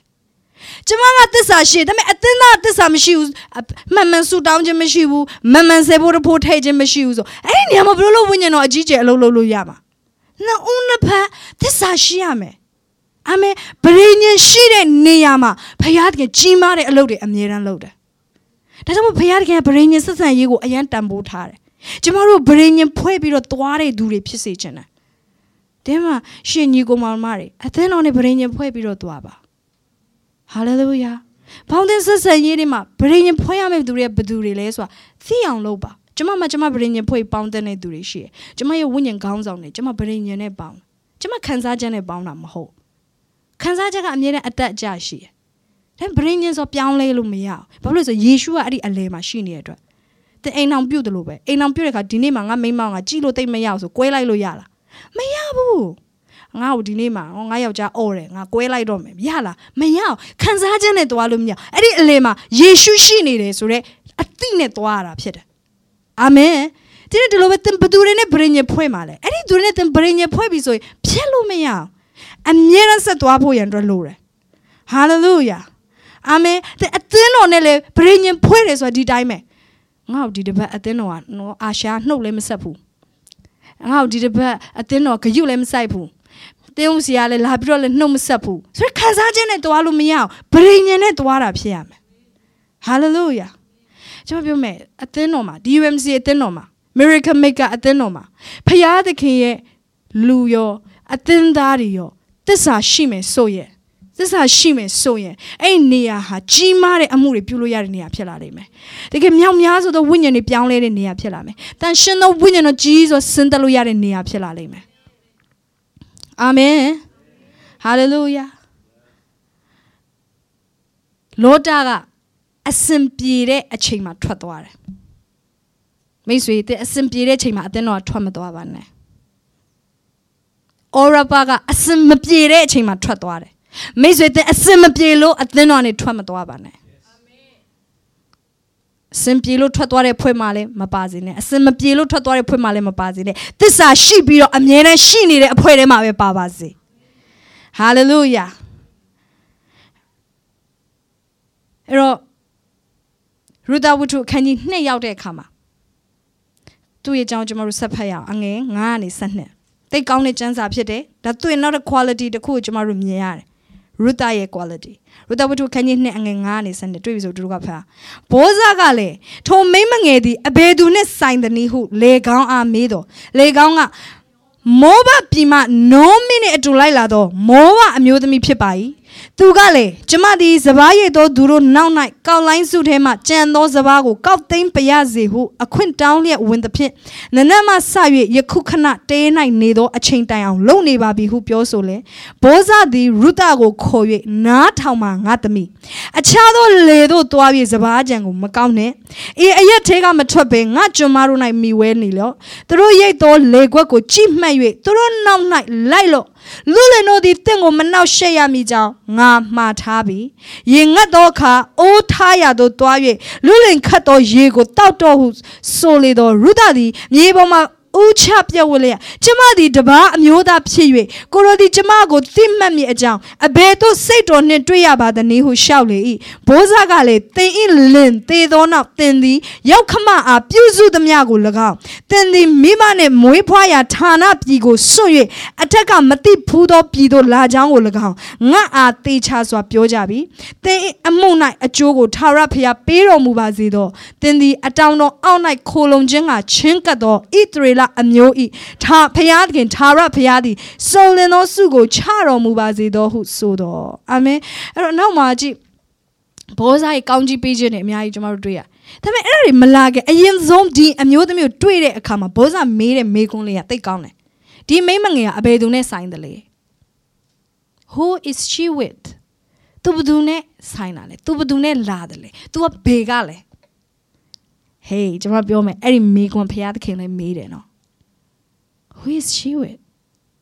Who is Sarah with? Sarah ဘယ်သူနဲ့ဆိုင်တာသင်ဘယ်သူနဲ့ပေါင်းလဲသင်ဘယ်သူနဲ့ပရိညင်ဖွဲ့ထားလဲအရေးကြီးရယ်သင်လို့ပဲမမြင်သင်ပရိနဲ့ပရိညင်ဖွဲ့ထားအဲ့လူပါတွဲပြီးမြင်ဆိုပါစို့သင်နဲ့တွဲဝင်ပြီးမြင်တဲ့လူကသင်တငယ်ချင်းအယက်သမားဖြစ်နေသင်လို့ပဲမမြင်ဘူးနော်နှစ်ဦးကိုတဦးတည်းဖြစ်ပဲဖခင်မြင်တာအဲ့ဒါယောက်ျားမိန်းမမှမဆိုင်ပရိညင်ဖွဲ့ထားတဲ့လူတိုင်းနဲ့ဆိုင်တယ် အသင်းတော်နဲ့ပရိညင်ဖွဲ့တယ်ဘေးအသင်းတော်နဲ့သင်ပရိညင်ဖွဲ့တယ်တင်ရတာရန်တက်ကြွပြီဆိုတာနဲ့သင်ပရိညင်ဖွဲ့ထားတဲ့အသင်းတော်ကဝိညာဉ်တော်စန့်ကျင်တယ် Who is she with တင်သူဘသူနဲ့ဆိုင်တယ်တွဲပြီးတော့ဘုရားခင်မြင်တာတင်ကိုမြင်တဲ့ငယ်ချင်းမှာတွဲမြင်တာတင်ကိုမြင်တဲ့ဝိညာဉ်ခေါင်းဆောင်မှာတွဲပြီးတော့မြင်တာတင်ကိုမြင်ရင်တင်ပရိညင်ဖွဲ့ထားတဲ့သူအဖွဲစည်းပါတွဲပြီးတော့မြင်တာဘုရားဘောဇာအဲ့တိုင်းမမြင်တာ तू ကဘသူနဲ့ဆိုင်လဲ ဘလို့လို့ငါလေခွက်ထဲရောက်တာငါလေခွက်ထဲရောက်ရအောင် तू ကငါနဲ့ဘာဆိုင်လဲငါအမျိုးတယောက်ယောက်နဲ့ဆိုင်နေသူလားဟုတ်တယ်နောမီကသူ့အမျိုးဖြစ်တယ်သူ့အမျိုးနဲ့ဆိုင်နေသူဖြစ်နေယေရှုရဲ့လူနဲ့ဆိုင်နေလူလားတင်ကဖခင်လူနဲ့ဆိုင်နေသူလားကျမမြင်တဲ့အခါဖခင်ကကျမကိုပဲမမြင်ကျမဝိညာဉ်ခေါင်းဆောင်လေးပါတွဲမြင် စာရန်လည်းဒီတိုင်းပဲကျမကိုမြင်တဲ့အခါဒီတိုင်းပဲလာကြည့်လို့မရအောင်စာရန်ကိုကြည့်လို့ရှိရင်ကျမရဲ့နောက်ကဝိညာဉ်ဖခင်နေဝိညာဉ်မိခင်နေဖခင်မြင်တာစာရန်မြင်တာ hallelujah ဒီ principle ကျမတို့ဒီမှာမြင်အဘေသူနဲ့ဆိုင်တယ်လေလေကောင်းကွက်တိပြောတယ်မောဘပြည်မှာနောမီနဲ့တူလိုက်လာတော့မောဘအမျိုးသမီးဖြစ်ပါတယ်ဒါပေမဲ့နောမီနဲ့တူလိုက်လာတယ်သူဟာ တနေ့လုံးအလုပ်စူးစမ်းလုပ်တယ်ဒါပေမဲ့အဲ့ဒီစူးစမ်းတဲ့အကြောင်းတွေမလာခင်မှာ तू ဘသူနဲ့ပြင်ရင်ဖွဲ့ထားလေဆိုတော့အရင်မေးတယ်ဟာလေလုယာသူဟာနောမီနဲ့ဆိုင်နေဆိုတာလေသိရောချက်ချင်းမဘိုးစားရဲ့အပြိုးတွေပြောင်းသွားတယ်အစတော့ကတော့ဘေးကလည်းဘသူလဲအမ်ဒါနေပြီးတော့ဘာဖြစ်သွားလဲငါသမီးဖြစ်သွားတယ်ချက်ချင်းပဲနားထောင်မှာငါသမီး အခြားသောလေတို့သွားပြီးစပားကြံကိုမကောက်နဲ့အေးအရက်ကမထွက်ပဲငါကျွန်မတို့နာမိဝဲလျက်နေလောသူဘသူလဲဆိုတော့သိတာနဲ့သူ့အတွက်လာတဲ့ကောင်းကြီးတွေကမတူတော့ဘူးဖြစ်တယ်သူဘသူနဲ့ဆိုင်လဲဆိုတော့သိတာနဲ့အဲ့ဒီဆိုင်နဲ့လူနဲ့ဆိုင်နဲ့ကောင်းကြီးတွေသူ့အတွက်လည်းဖြစ်လာနောမီကိုဘိုးစားကအမျိုးတော်တဲ့အတွက်ကြောင့်ပေးခြင်းတဲ့ကောင်းကြီးကရုသကိုပေးဖို့ရန်အတွက်ဖြစ်လာနောက်ပြီးတော့ရုသစီမှာ တွေ့ရတဲ့ quality တစ်ခုကဘာလဲဆိုတော့သူဟာ independent ဆိုတဲ့မိခိုလိုတဲ့စိတ်ဝိညာဉ်ရှိရဆိုတော့ကျွန်မမြင်ရတယ် sorry dependent ဆိုတဲ့မိခိုလိုတဲ့ဆန္ဒရှိရဆိုတာမြင်ရတယ် independent spirit ဆိုတဲ့မိခိုလိုစိတ်မရှိတဲ့ဝိညာဉ်သူ့ရဲ့အထက်မှာကျွန်တော်တို့မတွေ့ရအဲ့တော့ကျွန်တော်တို့အရေးကြီးရယ် dependent spirit ဟာကျွန်တော်တို့ထဲကနေဘုရားသခင်လိုချင်တဲ့စိတ်ဝိညာဉ်ဖြစ်တယ် dependence မိခိုတာဖះကိုမိခိုတာဝိညာဉ်တော်ကိုမိခိုတာအဲ့လိုပြောလို့ကလေးလိုမျိုးနော်ငါဘာမှမလုပ်ဘူးအာငါ့ကိုအလုံးလုပ်ပေးကြဆိုတာမျိုးပြောတာမဟုတ်ဖះသခင်ကျမတို့လုတ်ခိုင်းတယ်ဒါပေမဲ့သူ့ကိုအားကိုးခိုင်းတယ်ဖះသခင်ကျမတို့လုတ်ခိုင်းတယ်ဒါပေမဲ့သူနဲ့အတူတူလုတ်ခိုင်းတယ်သူ့ရဲ့လမ်းညွှန်မှုအတိုင်းသွားခိုင်းတယ်အာမင် a dependent spirit ဆို independent spirit ဆိုတာဘာလဲဆိုအထင်းကိုမဲ့တဲ့စိတ်ဝိညာဉ်ဖြစ်တယ်ဒါခါလေးမှာကျမတို့ထဲမှာအဲ့အထင်းကိုမဲ့တဲ့စိတ်ဝိညာဉ်နေရာယူတတ်တယ်ကျမတို့ကြီးပြင်းလာတဲ့အတိုင်းဝိုင်းထဲကနေပြီးတော့အဲ့ဒီ attitude တွေအဲ့ဒီစိတ်နေသဘောထားတွေကျမတို့မွေးမြူလာတယ်အချို့ဆိုရင်ဘယ်သူမှငငယ်လေးတဲ့နေမိခိုလို့မရအောင်မိဘတွေကလည်းနော်နင်ကိုလန်းကိုကြောင်းငငယ်တွေကနေ10နှစ်ပဲရှိသေးတယ်ကိုလန်းကိုကြောင်းဆိုတာကြီးပဲ နော်အဲ့တော့ဘာဖြစ်ရလဲဆိုဘယ်သူမှအားကိုလို့မရဘူးဆိုစိတ်ကဝင်သွားတယ်ငါငါချက်ပေါ်ငါရမယ်ဘယ်သူမှငါငါမိခိုလို့ရမှာမဟုတ်ဘူးအဲ့တော့ငါငါကောင်းမှုတော့ငါလုပ်မယ်အဲ့ပြင်ပို့ဆိုးသွားတာပါလေဆိုဘယ်သူဘာပြောပြောငါနားထောင်ကြရမလို့ဘာလို့ဆိုတော့ငါငါလောက်တာဒါတွေအလုံးငါရှာတာဒါတွေဖြစ်လာဖို့ငါစူးစမ်းထားတာအဲ့တော့ငါဘယ်သူမှနားထောင်ကြရမလို့ဘူးဆိုရယ် independent spirit ဝင်သွားတယ်အထင်းကွမဲ့စိတ်ဝိညာဉ်ဝင်သွားတယ်ထဲတဲ့ အဲကျမတို့မရှိတတ်တယ်အချို့လူတွေရှိတယ်ကျမကျမလည်းရှိခဲ့ဘူးတယ်ကျမငငယ်လေးကလေးကနေပြီးတော့မိဘတွေကကျမကိုစွန့်ပစ်ချက်တွေကိုပိုင်ချပိုင်ခွင့်ငငယ်လေးကပေးတယ်ကျမကိုယ်တိုင်ကလည်းခေါင်းဆောင် type ဖြစ်တဲ့အတွက်အဲ့ဒီထဲမှာဒီ independent spirit ဝင်လာတဲ့အခါမှာပို့ဆိုးသွားတယ်ပို့ဆိုးသွားတယ်ဘာမဆိုကိုယ်ဆုံးဖြစ်ချက်နဲ့ပဲကိုလုံးတယ်သူများဘေးကအကြံပေးတာလည်းလက်မခံတတ် လူကြီးတွေပြောရဲဆိုရင်ဂယုကိုမဆိုင်တာကိုထင်တာပဲအမှန်ကိုတွေးတာပဲအကောင်းဆုံးလို့အမြဲတမ်းမှာငငယ်တွေကသတ်မှတ်ခဲ့ခေါင်းအယမ်းမာတယ်သူများပြောရင်လည်းလက်မခံငါဒီဘက်ရှူတောင်းကနေကြည့်ပြီးပြီဟိုဘက်ရှူတောင်းကကြည့်ပြီးပြီဟိုအောက်ကကြည့်ပြီးအပေါ်ကကြည့်ပြီးပြီအဲနော်ပြိုင်ညင်းခြင်းနဲ့စိတ်သဘောတွေကျမမှာရှိခဲ့ဘူးတယ်ဒါပေမဲ့မိတ်ဆွေအဲ့ဒါ independent spirit ဖြစ်တယ်ဘုရားခင်အဲ့လိုလူကိုသုံးလို့မရဘု ရားကိုမိခိုတဲ့သူဖြစ်ဖို့လိုတယ်ဘုရားလူတွေမိခိုတဲ့သူဖြစ်ဖို့လိုတယ်အာကိုတတဲ့စိတ်သဘောရှိရမယ်အရာအလုံးငါတိတယ်ငါတက်တယ်ငါ့ကိုဘာမှမပြောနဲ့ဆိုရဲစိတ်ဝိညာဉ်ကကဘာလုံးဆိုင်ရာရှိမှဘုရားတင်ထုတ်သုံးလို့ရတဲ့စိတ်ဝိညာဉ်မျိုးမဟုတ်အဲ့ဘာလို့ ਆ လဲဆိုဘုရားသခင်ကျမထင်ရတယ်အဲ့ဒီဝိညာဉ်ကိုထုတ်ပေးရထုတ်လို့ရအောင်လို့အခြေအနေတွေဘုရားခင်ပေးကြုံရတယ်ထုတ်လို့ရဖို့အတွက်ကျမကိုစုံမရတယ် ဘုရားခင်ကျမဘွားတွေကိုကောင်းကြီးမင်္ဂလာဖြစ်တဲ့ကျမရဲ့ဝိညာဉ်ဖခင်ဆရာဇော်လေးအောင်နဲ့ဝိညာဉ်မိခင်ဆရာမရနူတို့ဘုရားပို့ပေးတယ်သူတို့နဲ့ကျမတွေ့တဲ့အချိန်မှာကျမစပြီးတော့သင်မိရအဲ့ဒါပဲကျမအထင်းမှာကျမအထင်းကိုမဲတဲ့လူတယောက်ပါလားအထင်းကိုမဲစိတ်ဝိညာဉ်ရှိတဲ့လူတယောက်ပါလားဆိုကျမသဘောပေါက်လားဘာဖြစ်လို့လဲဆိုသူတို့ပြောတာတခုမှကျမမလုပ်ချင်ဘူးဖြစ်တယ်သူများပြောတာကိုလက်ခံမို့တဲ့ကျမပြောတာကိုသူများလက်ခံမို့ပဲကျမစိတ်ဝင်စားတယ် အဲ့မှာဖခင်ကကျမကိုစပြီးတော့သင်တယ်ကျမဝိညာဉ်ခေါင်းဆောင်လဲကျမကိုသင်တယ်အဲ့လိုမဟုတ်ဖခင်ခင်မှာသူနီလန်းရှိတယ်ဖခင်ကကျမတို့နီလန်းကိုလိုက်ရမှာမဟုတ်ကျမတို့ဖခင်နီလန်းကိုလိုက်ရမှာ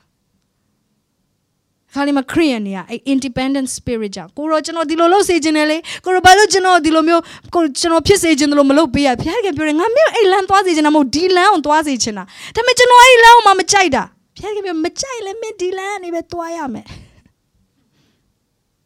အာမင်အကျမမှာစပြီးတော့သင်ပေးခြင်းခံရတယ်အဲကျမကိုစပြီးတော့ကျမသိတယ်ကျမဒီတိုင်းဆက်သွားရင်ကျမအောင်မြင်တဲ့လူတယောက်ဖြစ်လာမှာမဟုတ်ကျမအောင်မြင်တဲ့အတိုင်းဝိုင်းကျမမှာမရှိကျမအောင်မြင်အောင်လုပ်ပေးမဲ့သူမရှိကျမမိဘမဲလို့ပဲကိုထင်ရန်ကိုဆိုင်ပြီးတော့တာမန်ဘဝမှာပဲပြီးဆုံးသွားမယ်လူဖြစ်သွားလိမ့် ကျမထင်မှာအကြီးချင်းရှိပေမဲ့အကြီးချင်းတွေထုတ်ဖော်ပေးမဲ့သူမရှိကျမကိုထုတ်ဖော်ပေးမဲ့ဝိညာဉ်ခေါင်းဆောင်လေးရှိဒါပေမဲ့ကျမအဲ့ independent spirit ကြောင့်သူတို့နောက်မလိုက်ဘူးဆိုရင်ကျမတာမန်ဘဝမှာပဲပြီးသွားမှာရူတာအကေလို့နောမီကိုအာမကိုဘူးဆိုရယ်မောဘပြီးမှာပဲပြီးသွားမှာတာမန်ဘဝမှာပဲပြီးသွားမှာ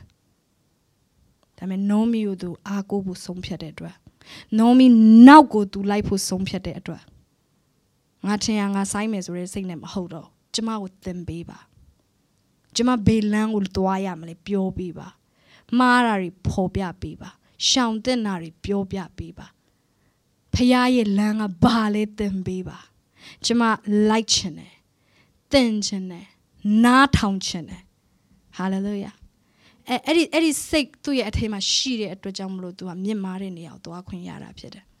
ကျွန်မပြောမယ်လူတိုင်းကတော့မွေးကလေးကနေမတက်ဘူးဒါပေမဲ့တင်ယူတဲ့လူတွေကပဲတက်လာတာဖြစ်တယ်တင်ယူခြင်းစိတ်မရှိဘဲနဲ့ကိုထင်ရကိုဆိုင်မဲ့ငါထင်တာပဲအမှန်ငါလုပ်တာပဲကောင်းတယ်ငါတွေးတာပဲမှန်တယ်ဆိုရက်အတွေ့ခွန်နဲ့ကျမတို့သွားရင်ဒီတာမန်ဘဝမှာပဲကျမတို့ဆက်နေရလိမ့်မယ်ကြီးမြတ်တဲ့သူတွေနဲ့ပေါင်းလို့မရအောင် နားလည်မလားမသိညီကိုမောင်မတို့အချို့လူတွေက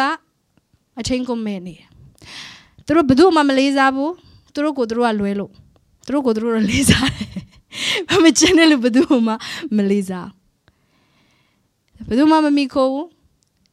ဖျားကြောင်လာတယ်ဘယ်သူမှမိခိုးတာမရှိငါလုံးမငါစားငါဆူတောင်းမှငါရမှာငါငါဆူတောင်းလို့ရတာပဲအဲဒီဖွင့်လည်းရှိသေးတယ်ပြောပြမယ်နော်အဲ့ဒါ independent spirit ဖြစ်တယ် ငါငါဆူတောင်းလို့ရတယ်ဖះเจ้าနဲ့အတူတူဆူတောင်းစရာမလိုဘူးတဲ့ဖះเจ้า worship မှာပဲ worship လုပ်စရာမလိုဘူးငါငါ worship လုပ်ရင်ရတယ် independent spirit ဖြစ်တယ်အဲ့ဒါကျွန်မပြောမယ်နော် independent spirit ကအမြဲတမ်းမှာကိုဆူတောင်းခြင်းနဲ့အချိန်မှတောင်းမယ်ဖះเจ้าနဲ့အတူတောင်းစရာမလိုပါဘူးဖះเจ้าမှန်မှန်တက်စရာမလိုပါဘူးတက်လို့ရရတာနဲ့အချို့ကတော့ခွင့်ရေးမရတာလေရှိကောင်းရှိမှာပေါ့အလုပ်တွေနော် time zone တွေမတူတာကြောင့် တက်လို့ရရတာနဲ့မတက်တာ independent spirit တွေဖြစ်တယ်ကျမတို့ကမြန်မာနိုင်ငံမှာနေထိုင်တယ်ဒါပေမဲ့ UK England မော့နော် England နိုင်ငံကသူတို့မှာပိတ်ရက်တွေရှိတယ် holiday ရက်တွေရှိတယ်ဆိုပါစို့သူတို့ရဲ့နော်အချို့ holiday ရက်တွေကမြန်မာပြည်မှာမရှိဘူးမရှိတဲ့အခါမှာကျမတို့ကသူတို့အတိုင်းလိုက်ပြီးတော့လှုပ်လာမလှုပ်ဘူးလေဘာဖြစ်လို့လဲကျမတို့သူတို့လက်အောက်ခံနိုင်ငံမှာမဟုတ်တာ သူတို့လက်အောက်ခံနိုင်ငံဖြစ်တယ်ဆိုရင်ကျမတို့သူတို့ရဲ့အပေါ်မှာမိခိုးတဲ့နိုင်ငံဖြစ်တယ်ဆိုရင်သူတို့လှုပ်သမျှအားလုံးကျမတို့လိုက်လှုပ်ရမှာဟုတ်လားသူတို့ပိတ်ရဆိုကျမတို့လိုက်ပိတ်ရမယ်သူတို့ဖွင့်ရဆိုကျမတို့လိုက်ဖွင့်ရမယ်အဲ့ဒီပြင်သူတို့အခွန်ဆောင်တယ်လို့ကျမတို့လည်းအခွန်ဆောင်ရမယ်သူတို့ဘာကြောင့်မို့လို့လဲသူတို့နဲ့ကျမတို့ကချိတ်ဆက်ထားလို့အချို့လူတွေလည်း independence ဖြစ်နေအသင်းတော်နဲ့သူတို့နဲ့ဘာမှမချိတ်ထား အသင်းတော်ဘာလို့လို့သူနဲ့မဆိုင်တယ်လို့ပဲအသင်းတော်ကအစာရှောင်ဆူတောင်းတဲ့နေ့ဆိုလဲ तू မလာအောင်အစာရှောင်ဆူတောင်းမယ်တူတူတောင်းရအောင် तू မပါဘူး तू က independence လေ तू နဲ့မဆိုင်ဘူးအသင်းတော်နဲ့အသင်းတော်အလုံးဝထဲအောင်ပါဝင်ရအောင် तू မပါဘူးစေဖို့တဖို့အသင်းတော်ပို့ပါ तू နဲ့မဆိုင် independence तू က तू ပါဝင်ခြင်းတဲ့နေရာမှာပါဝင်တယ်သူပရိညင်လည်းဘယ်သူနဲ့မှမဖွဲ့ဘူးသူပေးခြင်းတဲ့နေရာမှာသူပေးတယ် သူမပေးခြင်းတဲ့နေ့ဆိုဒီဆရာကိုသူမကျင်တော့ဆရာမဆရာအခုတလောသူတိတ်ပြီးသဘောမကျဆိုသူအတင်းတော်မှာအလုံငွေမထဲတော့ဘာလဲ independence ဖြစ်နေတာသူကအတင်းတော်ရဲ့ယူပါယုံနဲ့သူမဆိုင်မှုအတင်းတော်မိခိုထားတဲ့သူမဟုတ်အဲကျမတို့ကအသင်းတော်ပေါ်မှာဗရင်ညဖွဲ့တယ်အသင်းတော်အပေါ်မှာ သစ္စာရှိရဲ့အသင်းတော်ပေါ်မိခိုးတယ်ဆိုတာကဘုရားသခင်ရဲ့နိယာမဖြစ်တယ်အသင်းတော်ကိုသင်ဟာမိခိုးရမယ် depend လုပ်ရမယ်ကိုရောကိုရောကိုကျွန်တော်လိုအပ်တယ်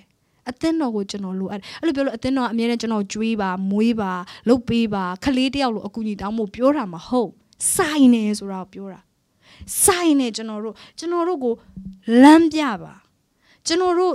ဝိညာဉ်ရေးရမှာတွားမဲ့ direction ကိုဖော်ပြပါအသင်းတော်ချပြတယ်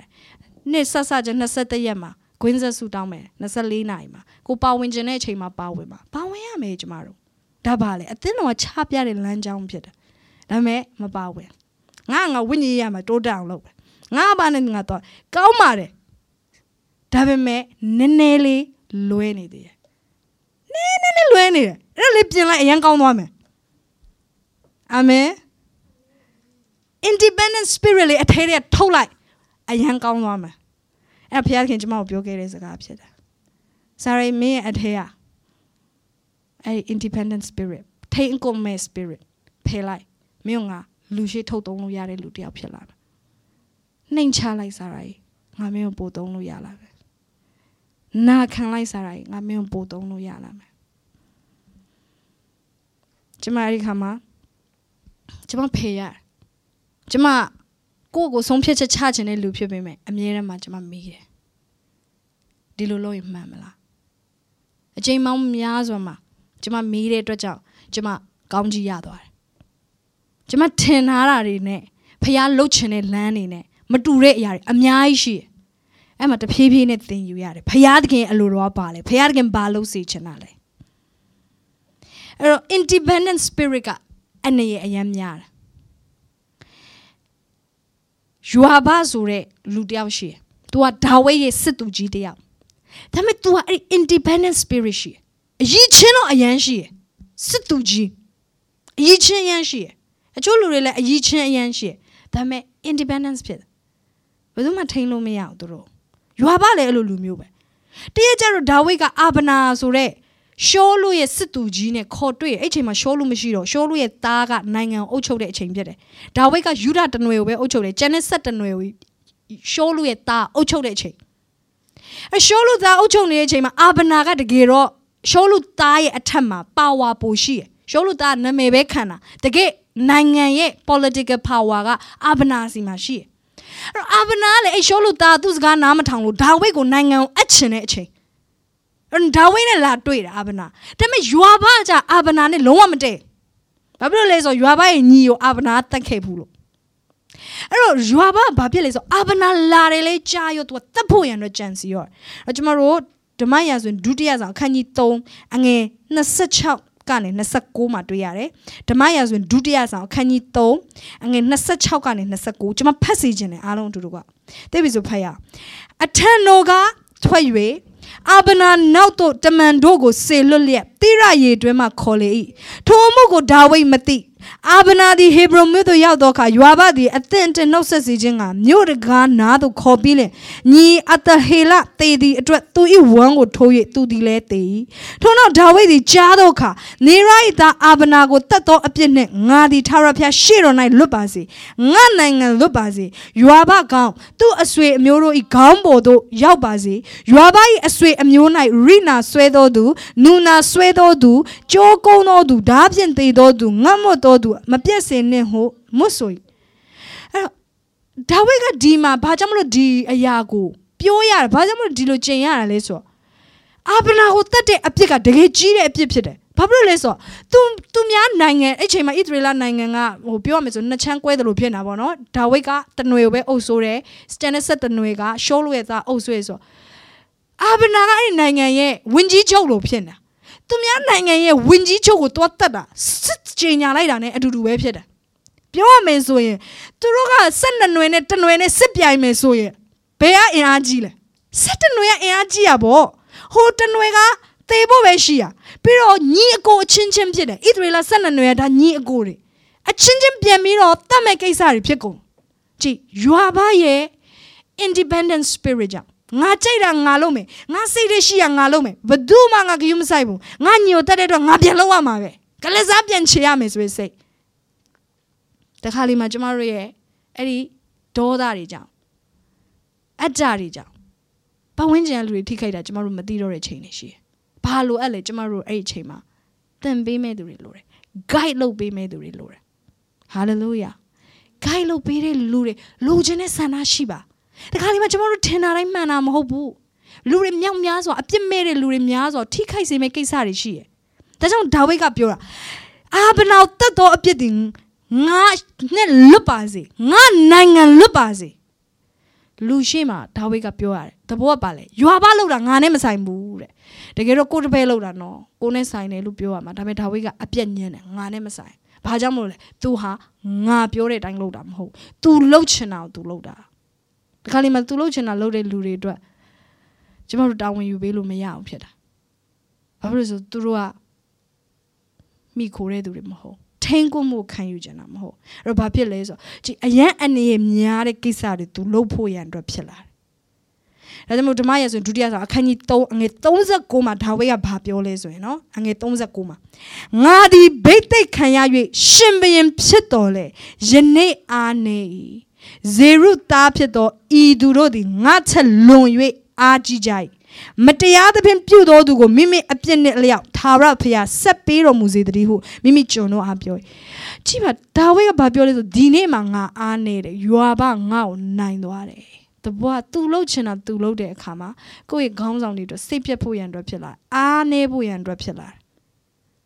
ဒါပေမဲ့အဲ့ဒီအတွက်ဒါဝိဒ်ကပြောတယ်ငါမခံဘူးအဲ့ဒီအတွက်သူ့ခေါင်းပေါ်မှာ သူဆက်ရပါစေကျမတို့ရဲ့အဲ့ဒီ dangerous ဖြစ်တဲ့ spirit ဒီ independent spirit ကိုဖယ်ပါထဲရတယ်ပတ်ဝန်းကျင်လူတွေဒုက္ခမရောက်စေချင်ဘူးဆိုရင်အာမင်သင်လဲအမင်္ဂလာတွေနဲ့အဆုံးမသက်ချင်ဘူးဆိုရင် independent spirit ကိုဖယ်ဖို့ရန်အတွက်လိုတယ်အထင်းကိုမဲ့တဲ့စိတ်ဝိညာဉ်အနေရများတယ်ကိုယ့်အတွက်အနေများတယ်ဖခင်နိုင်ငံတော်အတွက်အနေများတယ်အသင်းတော်အတွက်အနေများတယ် လူတွေအတွက်အနေများတယ်ကျွန်တော်တို့ကောင်းမယ်ထင်လို့လုပ်လိုက်တာပဲနည်းနည်းတော့မေးပါလားကောင်းမယ်ထင်တယ်ဆိုလဲအာမင်နည်းနည်းတော့တိုင်မင်ပါလားသမွေလဲဖခင်သခင်နဲ့တိုင်မင်ပါလားတကြွဘာဘယ်သူနဲ့မှမတိုင်မင်ကိုကြိုက်တာကိုလုပ်လိုက်တာဖြစ်တယ်အဲ့တော့ရုတာကိုဘာကြောင့်မို့လို့ဘောဇာကမျက်နှာသာပေးလဲဆိုတော့ နံပါတ်1 तू ဘသူနဲ့ဆိုင်လဲဆိုတာ तू သိသွားတဲ့အတွက်နံပါတ်2အနေနဲ့ तू ဟာမိခိုတဲ့အမျိုးသမီးဖြစ်တယ်။နောမီကိုမိခိုတဲ့သူ။နောမီနောက်ကိုလိုက်တော်သူ။နောမီရဲ့ instruction အောက်မှာဝန်ခံတော်သူဖြစ်တယ်။ဒါကြောင့်မို့လို့ကောင်းကြီးပေးတယ်။အခြားသောလေတို့သွားပြီးစပားကြောင်မကောက်နဲ့ဒီမှာပဲနေပါ။ဖခင်တကယ်လည်းမိတ်ဆွေကိုပြောလိုက်မယ်။ငါသမီးငါသားမင်းဟာမှန်ကန်တဲ့လူနဲ့ပေါင်းတဲ့အတွက်ငါမင်းကိုကောင်းကြီးပေးလို့ရပြီ။ မင်းကမှန်ကန်တဲ့ environment မှာရောက်နေပြီ။မှန်ကန်တဲ့ပတ်ဝန်းကျင်မှာမင်းရှိနေပြီ။အာမင်ပတ်ဝန်းကျင်အရင်အရေးကြီးရနော်မျိုးစေ့ကဘလောက်ပဲအလားလာရှိရှိပတ်ဝန်းကျင်မကောင်းရင်ဘာမှလုပ်ပေးလို့မရကြီးထွားနိုင်မှာမဟုတ်မှန်ကန်တဲ့ပတ်ဝန်းကျင်မှာရောက်နေပြီငါသားငါသမီးဟာလေလုယာရုတာကိုဘောဇပြောတယ်လို့ပဲဖခင်ခင်လေးတင့်ကိုပြောနေပြီဖြစ်တယ်မှန်ကန်တဲ့ပတ်ဝန်းကျင်မှာတင်ရှိနေတယ်အဲ့ဒီတော့ကြောင့်မလို့တင်ကောင်းကြီးခံစားရမယ် ဒီမှာပြောတယ်အခြားနေရာကိုမသွားနဲ့ဒီမှာပဲနေပါပြောပါအခြားနေရာမသွားနဲ့ဒီမှာပဲနေပါ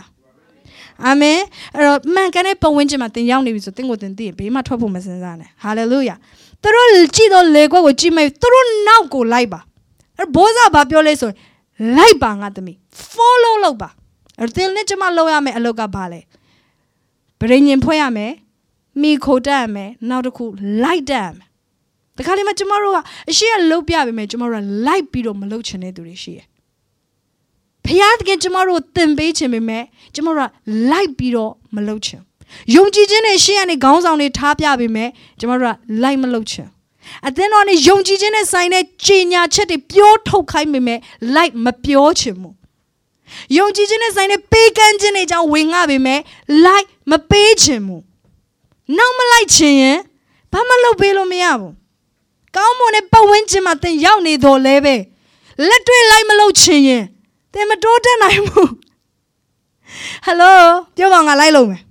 ငါလက်တွေ့လိုက်လုံးမယ်အာမင်ရူတာ instruction ပေးတယ်ဘောဇာကလိုက်လို့ပါသင်ကဘသူမှမနှောက်ရှက်ရအောင်မေစီသီလားသင်ဟာဗရိညင်ဖွဲ့တတ်တယ်မိကိုတတ်တယ်လိုက်လို့တတ်တယ်ဆိုရင်သင်ကဘသူမှထိခိုက်လို့မရတော့ သင်ဟာအောင်မြင်ဖို့ရန်အတွက်ဖခင်ကသတ်မှတ်လိုက်ပြီးဖြစ်တယ်ဟာလေလုယာသင်ရေငတ်ရင်အိုးထဲမှာရှိတယ်သင်လိုအပ်တဲ့အရာအလုံးသင်ကိုပြင်ဆင်ပေးထားတယ်ဝိညာဉ်ရေးခန်း6ရဲ့ဖခင်သင်တော်ဝိညာဉ်တော်ကိုပြင်ဆင်ပေးထားတယ်ဒါကြောင့်မို့ကျမရဲ့ဘဝအသက်တာထဲမှာကျမအရင်လုံခြုံနေလို့ခံစားရတယ်ကျမအားနေတိုင်းမှာဖခင်ဝိညာဉ်တော်ကျမရဲ့ခေါင်းဆောင်နေအဖြစ်ကျမကိုဖြည့်ပေးတယ်ဘာလို့လဲကျမမှန်ကန်တဲ့ပတ်ဝန်းကျင်မှာနေထိုင်တဲ့အတွက်မိတ်ဆွေသင်ကိုလည်းကျမမှန်ကန်တဲ့ပတ်ဝန်းကျင်မှာနေထိုင်စေခြင်းနဲ့ ဟာလေလုယာသင်ကိုဘယ်သူမှမနှောက်ရှက်ရအောင်ရန်သူတွေသင်ကိုထိခိုက်လို့မရဘာကြောင့်လဲသင်ဘယ်သူနဲ့လာလဲဆိုတာသူတို့သိတယ်ဘာလို့လဲသင်ကဘောဇာရဲ့အမျိုးရဲ့အမျိုးဖြစ်နေဟာလေလုယာဘယ်သူကလာထိခိုက်ရဲမှာအာမင်ဝိညာဉ်ရနေပေမှာသင်ကြည့်ရဲ့အခါမှာသင်ဝိညာဉ်ခေါင်းဆောင်တွေကိုသူတို့မြင်တယ်ဒါဒီတယောက်ထိလို့မရသူ့ကိုထင်ဟိုတယောက်ထိတာနဲ့အတူတူပဲဟိုတယောက်ထင်ဟိုကောင်းကင်တမန်ထိတာနဲ့အတူတူပဲအာငါတို့အဲ့ဒီအဲ့ဒီအဲ့ဒီဇလန်တွေကမရှင်းနိုင်ဘူးရန်သူတွေတင်မထိရတော့ ဟာလေလုယာပြောပါငါကိုယ်ကာခြင်းခံရတယ်တင်ဘသူနဲ့ပေါင်းလဲအဲ့ပေါင်းတဲ့သူအဖြစ်တင်ကိုယ်ကာခြင်းခံရမယ်အေးတင်ဘသူနဲ့ပေါင်းလဲအဲ့ဒီသူအားဖြင့်လဲတင်မြို့ရိုးပြိုပြတ်နိုင်တယ်အချို့လူတွေကတကားကြီးတွေဖွင့်ထားတာစာတန်ဝင်မှုအဲ့ဒီလူနဲ့တပေါင်းတော့သင်မှာစာတန်ဝင်မှုတကားဖွင့်လိုက်တဲ့လူဖြစ်သွားတယ်အာမင် အဲ့တော့ဘောဇာပြောတယ်တင်းဤလင်သေးသောနောက်တင်းဒီရောက်ခမအပြုစုသမျှကို၎င်းတင်းဒီမိဘနဲ့မွေးဖွားရဌာနပြည်ကိုစွန့်၍အထက်ကမတိဘူးသောပြည်သို့လာကြောင်းကို၎င်းငါအားတေချာစွာပြောကြပြီဖခင်တခင်ကသိတယ်တဲ့ဘသူတွေကိုတစ္ဆာရှိနေလဲသင်ဘသူတွေကိုအဆက်အသွယ်ဖြတ်ခဲ့လဲသင်ဘာတွေကိုလုံနေလဲ ဘသူတွေကိုမှီခိုပြီးဘသူစကားတွေနားထောင်နေလဲသင် independent spirit တွေကလွတ်မြောက်ပြီလားဖခင်သိတယ်အဲ့ဒီအတွက်ကြောင့်မလို့သင်ကိုသူကောင်းချီးပေးလိမ့်မယ်သင်ဒီအတောင်တော်အောက်၌ခိုလုံခြင်းကချင်းကပ်တော့မိစေသင်ခိုလုံတတ်တဲ့သူဖြစ်ရလား do you take covering covering ယူတတ်ဖို့လိုတယ်ဝိညာဉ်ရမှာ cover ယူတတ်ဖို့လိုတယ်အသင်းတော်ရဲ့ cover ယူတတ်ဖို့ရန်အတွက်လိုတယ်ဝိညာဉ်ကောင်းဆောင်ရဲ့ cover ယူတတ်ဖို့လိုတယ်အချို့လူတွေရဲ့ cover မယူတတ်ဖခင်ရဲ့ cover မယူတတ်ဝိညာဉ်ကောင်းဆောင်ရဲ့ cover မယူတတ် ငါငါ fight လုပ်မယ်စာရနဲ့တော့မ fight နဲ့နဆိုးတွေကခါလိုက်လို့ပြေးရတဲ့အဖွဲ့တွေရှိတယ်ပေါလုငါသိရယေရှုငါသိရ